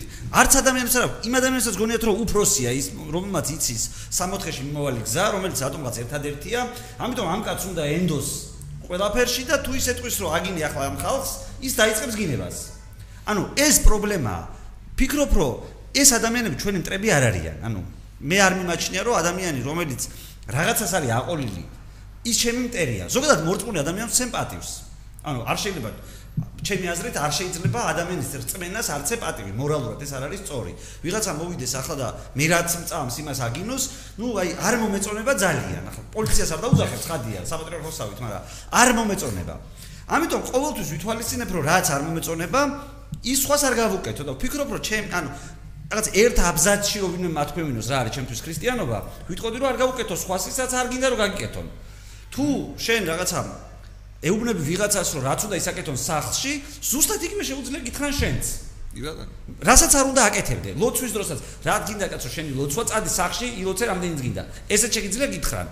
რაღაცა მაგალითად თუ ამბობთ რომ არ უნდა არსებობდეს რაღაც რომელიღაცა კონკრეტული დაწესებულება, იმიტომ რომ თუ ამის კეთება უნდა სახში აკეთონ, ზუსტად იგივენაირად შეგიძლიათ გითხრან შენც რომ იცი რა რა თქვინდა რაღაც რაღაც ადგილას ასეთი დაწესებულება როგორც არის ეკლესია და მოდი თუ უცხო კიდე წადი სახში იყოს ესეც ხო შეგიძლია შეიძლება გითხრა. ანუ ეგ დამოკიდებული რაზეა იცი აგო რომ ეგ დამოკიდებულია იმაზე რომ დღეს ესენი ხო ძალაზეა უმრავლესობაზე. ანუ წარმოიდგინე მაგიტომაც მე მგონი მაგიტომაც ეშინიათ რომ დემოგრაფიული პოლიტიკას და რაღაცა რომ სირდების თუ რაღაცა რომ ვაი თუ როდესღაც ანუ ამ რწმენის ადამიანები რაღაც კონკრეტულ საზოგადოებაში შემთხვევით არ აღმოჩნდნენ ცოტანი. ანუ ერთ-ერთი გაფსიხება იყო თემაზე, რომ კარგი იქნება თუ საქართველოსში საქართველოს მოქალაქეები, მოქალაქეები, ანუ ადამიანები, ვინც წესრიგს ვამყარებთ ამ ქვეყანაში, ვისი ნებითაც წდება ამ ტერიტორიაზე, რა წესრიგით ცხოვრობთ. ეს ადამიანები ვიქნებით უმცირესობაში, რა თქმა უნდა, ჩემი აზრით, კარგია. იმიტომ რომ გვექნება დამატებითი რესურსი სხვა ადამიანების სახით. ანუ ეს ეს არის შინაარსი. მაგრამ ამ მომენტში ეს რაღაცა რომ თქვა. ეგ არის ჭეშმარიტი ქართული ოცნება. დავასრულებ არა. ქართული ოცნება ჭეშმარიტი. მე როგორც მესმის რიგითი ქართულის წარმოდგენით რა შეიძლება იყოს? არის ის რომ თვითონ ისვენებს ერთობა ღვინო დუდუკი ქალების ამბავშია ჩართული და სხები ემსახურებიან. აი უბრალოდ ეს ამბავი განხორციელდეს. ამისთვის საჭიროა რომ დღევანდელი ქართველები იყოთ უმცირესობაში. სხვანაირად აი ქართული ოცნება ვერ განხორციელდება. და ჩვენ ჩვენ რო ეს თქვი მეგონი შენ ამბობდი მაგას სადღაც რო ამბობდა იმაში ან მე მგონი ყველა ამაზე შეთანხმდა ყველა რომ ამაზე ვიყავით საგინებლები. ეს მაგარი გვაგინეს. და სინამდვილეში ერთადერთხელ იყო საქართველოს ისტორიაში ზუსტად ზოქროს ხანა და დავით აღბაშენებლიდან ლაშა გიორგიმდე ანუ ეგ არის საქართველოს როცა არის იმპერია და როცა ეთნიკური ქართველები ვართ უმცირესობაში. არითმეტიკული ეგ არის ჩვენი ოქროს ხანა. სწორედ, წარმოიდგინე, არითმეტიკული ამბავია. წარმოიდგინე, თქვა ვართ სიმარტივისთვის ვართ 4 მილიონი, ხო? 4 მილიონი კაცი თქვა ვიხდით რაღაც მესამეც ჩვენი შრომისას ვაძლევთ სახელმწიფოს, ხო? წარმოიდგინე რომ 4-ის მაგივრად ვიყოთ 12 და ჩვენ ვაფშე არაფერი არ ვქნათ რა და იმ 8-ს გამოვართვათ. ხო შეიძლება რა? ხო არა ეს რასაც ანუ რასაც ხარჯავთ ისევ ჩვენზე ვხარჯავთ. ხო, ანუ ჩვენზე ვხარჯავთ რა, ანუ იმათ ვაძლევ ისინი ხდიან, ისინი რომ მოდიან, ხო ჩვენ ხელა გადასახადებს ხდიან. წარმოიდგინე რომ იმათ გავუნახევროთ ეს გადასახადები. ოღონდ ორჯერ მეტი იყვნენ. ანუ აავკრებთ გადასახადების სახით იმას იმდენსვე, რამდენსაც ეხლა ვკრებთ და ჩვენ კაპიქს არ გადავიღეთ. წარმოიდგინე ანუ ხო მარტივია რა. ამაშენებელს რართული ხო იმენ მაგის გარდა მაგის გარდა ბაზარი ხო გაიზრდება კაცო. ანუ ეხა ეხა რო ეხა რო უნდოდეს სიტყვაზე Toyota-ს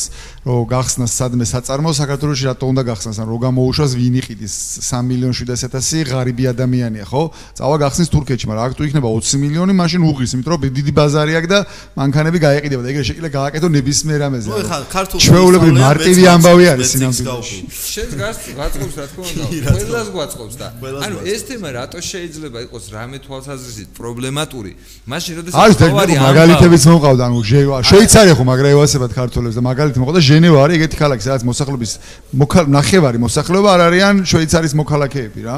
ოსტო ანუ ცხოვრების უფლება აქვს, მუშაობის უფლება გადასახადებს იხდიან და ნახევარი მოსახლეობა არიან შვეიცარიელები. ხო, მაგრამ მე მგონი და რავი, ჟენევა არის ერთ-ერთი ყველაზე დიდარი წერტილი დედამიწაზე. ანუ დახოცვის ხარჯზე შევცირდით და ეგ აღმოჩნდა მიუღებელი. არა, არა, არა, არა. მე მგონი აი მაგალითად ახლა შეიძლება თვითონ თავრობა რომელიც ძალიან პიიტეტით არის რა, განწყობილი რაღაც საპატრიარქოსადმი, რაღაც დემოგრაფიულ პოლიტიკაზე ხშირად ლაპარაკობს, რომ რაღაც პონჩი მცირდებით. კი ძალიან ცუდია რომ მცირდებით, არ უნდა მცირდებოდეთ, იმიტომ რომ გასაგებია რომ ჩვენ ჩვენ ჩვენი მოსახლეობა უფრო მიდის უკეთესი შეძლების ქვეყნებში და საქართველოსში ნაკლები ჩამოდის. ამ დროს არ გვევასება ვინ ჩამოდის ისინი რა. ხო და ანუ ჩვენზე ღარიბიდან მოდიან. ჩვენზე ღარიბიდან, იმიტომ რომ ეს არის ადამიანის ბუნებრივი რაღაც სტიმული, რომ თვითონ მიდის უკეთეს ადგილას და ჩვენთან მოდენ ისინი, ვისთვისაც საქართველოს არის უკეთესი ადგილი. და ვიდრე ჩვენ არ ვიქნებით რაღაც შეთანხმებული, რომ ამ ქვეყნის ბატონ პატრონები ვარ ზუსტად ის 3 მილიონი 700 კაცი და შესაბამისად ყველა დანარჩენი ჩვენს დაკრულზე უნდა ცეკვავდეს. ხვდები? ეს ფაქტობრივად. ხო ანუ სანამ ეს არ გვესმის რომ სინამდვილეში იდეა ეს არის რა რომ ოღონდ ჩვენ უნდა შევთანხმდეთ და ანუ ლაპარაკი რაში გვჭირდება ლაპარაკი გვჭირდება იმაში რომ ამაზე შევთანხმდეთ რამეზე შევთანხმდეთ რომ რა პირობებით ვუშვებთ ამ ხალხს ჩვენთან ჩვენ სახლში რომ ანუ შემდგომში ამათმა არ მოახერხონ, ანუ რისიც ეშინიათ სინამდვილეში. ანუ ჩვენ ახლა ვუშვებთ ისე რომ გაგებაში არა ვართ ვინ შემოდის, რას ყიდულობს, რას აკეთებს, რა გეგმები აქვს. აი აზრზე არა ვართ, ჩვენ ვართ ერთმანეთთან საერთოდ შეუთანხმებელი, ერთმანეთს არ ველაპარაკებით, ხვდები? და სათითაოდ გვეშინია შემოსული ადამიანების. წარმოიდგინე. ანუ ამ ყოლაფრის გადასაწყვეტი არის რომ ჯერ ჩვენ ერთმანეთში გავერკვიოთ ვინ ვართ, რა გვინდა. მე ეს საკუთრების ამბები, აი რაც აცნებაშია, მოკლედ ეს ამბები დავიცვათ და მე ვინც კიდე შემოსულა, ვინც კიდე გასულა, არავის საქმე აღარ იქნება. კონკრეტული ადამიანების გარდა. სტუმარი იქნება ვიღაცა. სტუმარი იქნება ჩაოლებრივად. მოდის სტუმარი. თან თლამასეც არ არის რომ მაინც და ჩვენზე ღარიბი ქვეყნებიდან მოდიან. ჩვენ თან მათ შორის თავისუფალი გარემოც იზიდავთ, ხო? ანუ მაგის გამოსავალი სერდიშხო საბლოჯანში მაინც ამაში არის, იმიტომ გამოსავალი თუ გინდა რომ აქედან ხალხი არ გავიდეს ერთ-ერთი გამოსავალი არის რომ სწრაფად გაიზარდო ეკონომიკურად. თუ გაიზრდები სწრაფად ეკონომიკურად, როგორც კი შენი მუშიპუ დაეწევა ვიღაცების მუშიპუებს, ნაკლებად გახვალ რა. ანუ აღარ იქნება სტიმული ხა. საბეზნეში გარბიან, იმიტომ რომ დიდი განსხვავება გაქვს. ხო, საბეზნეს როგორც კი დაეწევი, ცხები რო არ თქვა, იდეაში აღარ გაიქცევი რა. მაშინ არსი აქ რო იგი. ხო, მაშინ უნდა იფიქრო იმაზე, რომ შვეიცარიაში გაიქცე და შვეიცარიაში გაქცევა ეგეთი მარტივი არ არის იდეაში, ხო. ნუ იდეაში სწრაფად სწრაფად უნდა გაიზარდო. დავეწიოთ, აღარ მოგვინდეს ფაქტი. მე მგონია, რომ თუ სწრაფად გავიზრდები, თვითონ ზის ტემპი არის ასევე პოზიტიური ფაქტორი. ხო რა თქმა უნდა. ანუ რეალურად ანუ შესაძლებელია რომ სადღაც უკეთესი იყოს დღეს ვიდრე შენთან, მაგრამ შენ კონდეს უფრო მეტი მოლოდინი ხვალისთვის და შესაძლოა ამიტომ არ გაიქცე. იმიტომ კი არა რომ იქ სადღაც იმაზე უკეთესად ხარ. ანუ შენ თუ გზნობ რომ შენ შრომას შედეგი მოყვება, შენს მოქმედებას შედეგი მოძდევს, მაშინ შენ აღარ გაქვს სურვილი რომ ესე თავი დაადო და წახვიდე. კი აბა.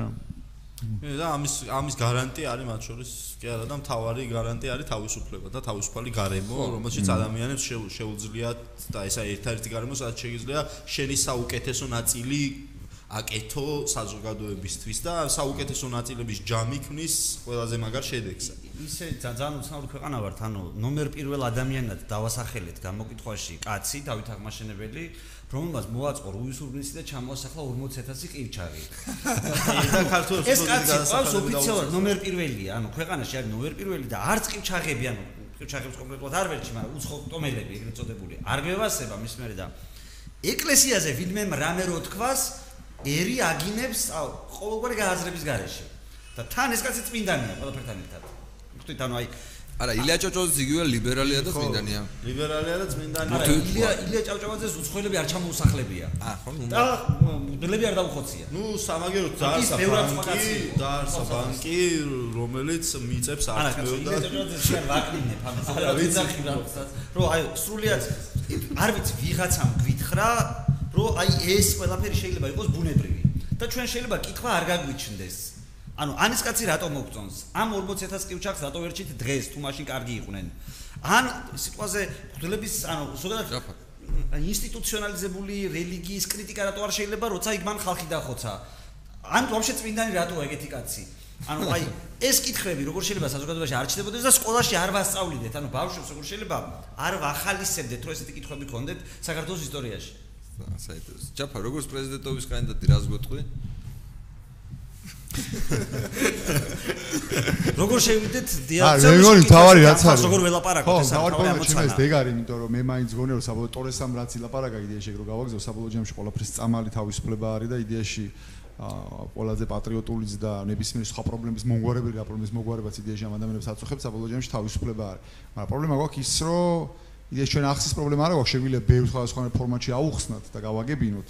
მაგრამ არის ის რომ არ არ გვისმენენ და კომუნიკაციაში არ შემოდიან და ეგ გვაქვს პრობლემა და როგორ უნდა გავარღვიოთ ეგ ეგ ბაბლი ეგ ბუშტი ეგ არის ჩემი აზრით თა ისეთი. თავარი გამოწვევა ხო და რაოდენ რამდენიც არ უნდა აღიზიანოთ ხა რამდენიც არ უნდა იგინიებდნენ ერთადერთი სტრატეგია დეჟას მოფიქრებული გვაქვს არის ის რომ რაღაცა შეუჩიჩხინო და გავაღიზიანო და მე გვისმენენ ხოლმე და მე რაღაცები ესმით და დაგველაპარაკეთ ხო ვარ მაგრამ მაგრამ ამ ჩიჩხის გინება მოყვება და ნუ არ არ სხვაგზა ჯერ ვერ მოვიფიქრეთ მაგრამ საბოლოო შეიძლება პრობლემა გვაქვს მე მგონი გინება ამტანები გამოვდექით როგორც მინიმუმ და ანუ რაღაცაზე მაინც მივალთ ბოლოს. ანუ იდეაში მე მგონი მე მგონი მათთვისაც აზრით უნდა ავუხსნათ ადამიანებს რომ ჩვენ ვართ ხალხი რომელმაც მათთვის საძულველი ყველა ჯგუფი გადაინტერა ისედაც.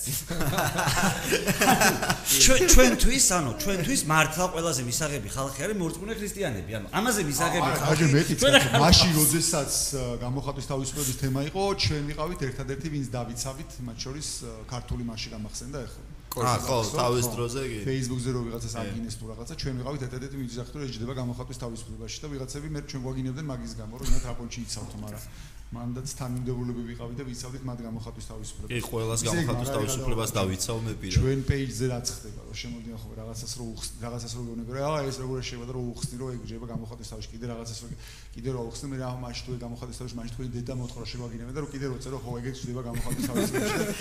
ეს რამდენჯერ შეიძლება გამიორდეს ჩვენ პეიჯზე და მაინც ვერ ხვდებიან რომ ეგ არის, ეგ არის. ა თან პრადმინუტები გონიათ თავი მაგას რო მაგას რო მაშინ თქვენი რაღაცა ეს არის პრადმინუტობა არა მაგარით. დაჟეთი ორი ლაიქი აქვს ხოლმე. კაი. ბა ისა მეგობრებო, ანუ დღეს რო ეს თქვა შევაჯამოთ დღეს რაზეც ვისაუბრეთ, ანუ დღეს ჩვენ საუბრის თემა იყო რაღაც ქრისტიანობის მიმართ ჩვენი დამოკიდებულება, რო ვთქვათ რაღაც სატანისტები არ ვართ როგორც მინიმუმ, ანუ ხო, კითხვა რაც ხომ გამოტანილი იდეაში პასუხია, რომ არ ვერჩით. არ ვერჩით არაფერს ქრისტიანებს, როგორც ასეთი, უბრალოდ ერთადერთი რაც გვინდა, გვინდა მოგვეცეს მასთან საუბრის შესაძლებლობა იმ ნებისმიერ იმ ადამიანთან რომლებიც რომელიც ამ ჯგუფებისთვის არიან ავტორიტეტები. ახლა ჯგუფის რიგითი წევრთან ისედაც შეგვიძლია საუბარი რაღაც ჩატში მაგრამ ნუ ნებისმიერ ადამიანთან რომელიც ეს ჯგუფი პატივს წევს ჩვენ მზად ვართ რომ ამ ადამიანებს ჩვეულებრივად ვესაუბროთ და გავარკვიოთ რაში არის ჩვენი აცდენა ერთმანეთთან. მართა გითხრათ ჩვენ ჯერჯერობით ზუსტად ვერ გავიგეთ იმიტომ რომ გონია რომ იგივე პრინციპებზე დგევართ. და ვიღაცა მაგუსნო არა ხალხო თქვენ ამიტომ და ამიტომ ვერ ჩაითვლებით ქრისტიანებად და კარგად ბზანდებოდეთ. აი ეს აგვიხსნა, ეს არის ჩვენი თავარი მოთხოვნა. ხო, ნუ სახარებასთან ვერ ავწდით და და ეხლა რა შეიძლება? ესე იგი, ხვალ საღამოს არ ვიცი როგორ იქნება და შეიძლება მაინც გქონდეს ლაივი, იმიტომ რომ მივდივართ ბათუმში, ზეგ დილით 11 საათზე, როგორც იცით, უმრავლესობამ არის ჩვენთვის მნიშვნელოვანი საკონსტიტუციო სასამართლოს პროცესი კანაფის ლეგალიზაციასთან დაკავშირებით. აა თუ მოვახერხეთ და იმედია მოვახერხებთ ლაივს ხვალ ხვალაც და ზეგაც ტელეფონით თუ ბევრად უფრო ის ვთქვათ ისეთი მოკრძალებულად გავმართავთ საღამოთი აა რავი, იმედი გვაქვს, რომ ეს საკონსტიტუციო სასამართლოს სტომაც ისეთივე წარმატებით დასრულდება, როგორც წინა 30 ნოემბრის. თუმცა ამისთვის დალოდება რაღაცა პერიოდი მაინც მოგვიწევს. 30-ები კარგად გვაქვს. ნუ 30-ები კარგად დაცდილი. ვინც იქნებით ბათუმში, ალბათ კარგი იქნება რომ მობძანდეთ, იმიტომ რომ ისტორიული საკონსტიტუციო სასამართლოს ხდომა და ნუ რა ვიცი, თბილისიდანაც თუ წამოხვალთ, იდეაში ცუდი არ იქნება. აუ, გინდათ რამე? მადლობა რომ ვიყურეთ და ხო ნუ იდეაში მე მე ვის მინდა რომ არ გძულს ეს ხალხი ჩვენ ვინც ვისაც გძულვართ ეს ხალხი არ გძულს და რაღაცნაირად უნდა ვიპოვოთ საერთო ენა სალაპარაკოთ. თქვენ ამ ქვეყნის შვილები ხართ. ჩვენსა და არც ერთი არ ვაპირებთ აქედან წასვლას. ნუ ეს ვილაპარაკოთ. ხო სალაპარაკო გვაქვს. მე მგონი გავუგებთ ერთმანეთს. მადლობა ნახვამდის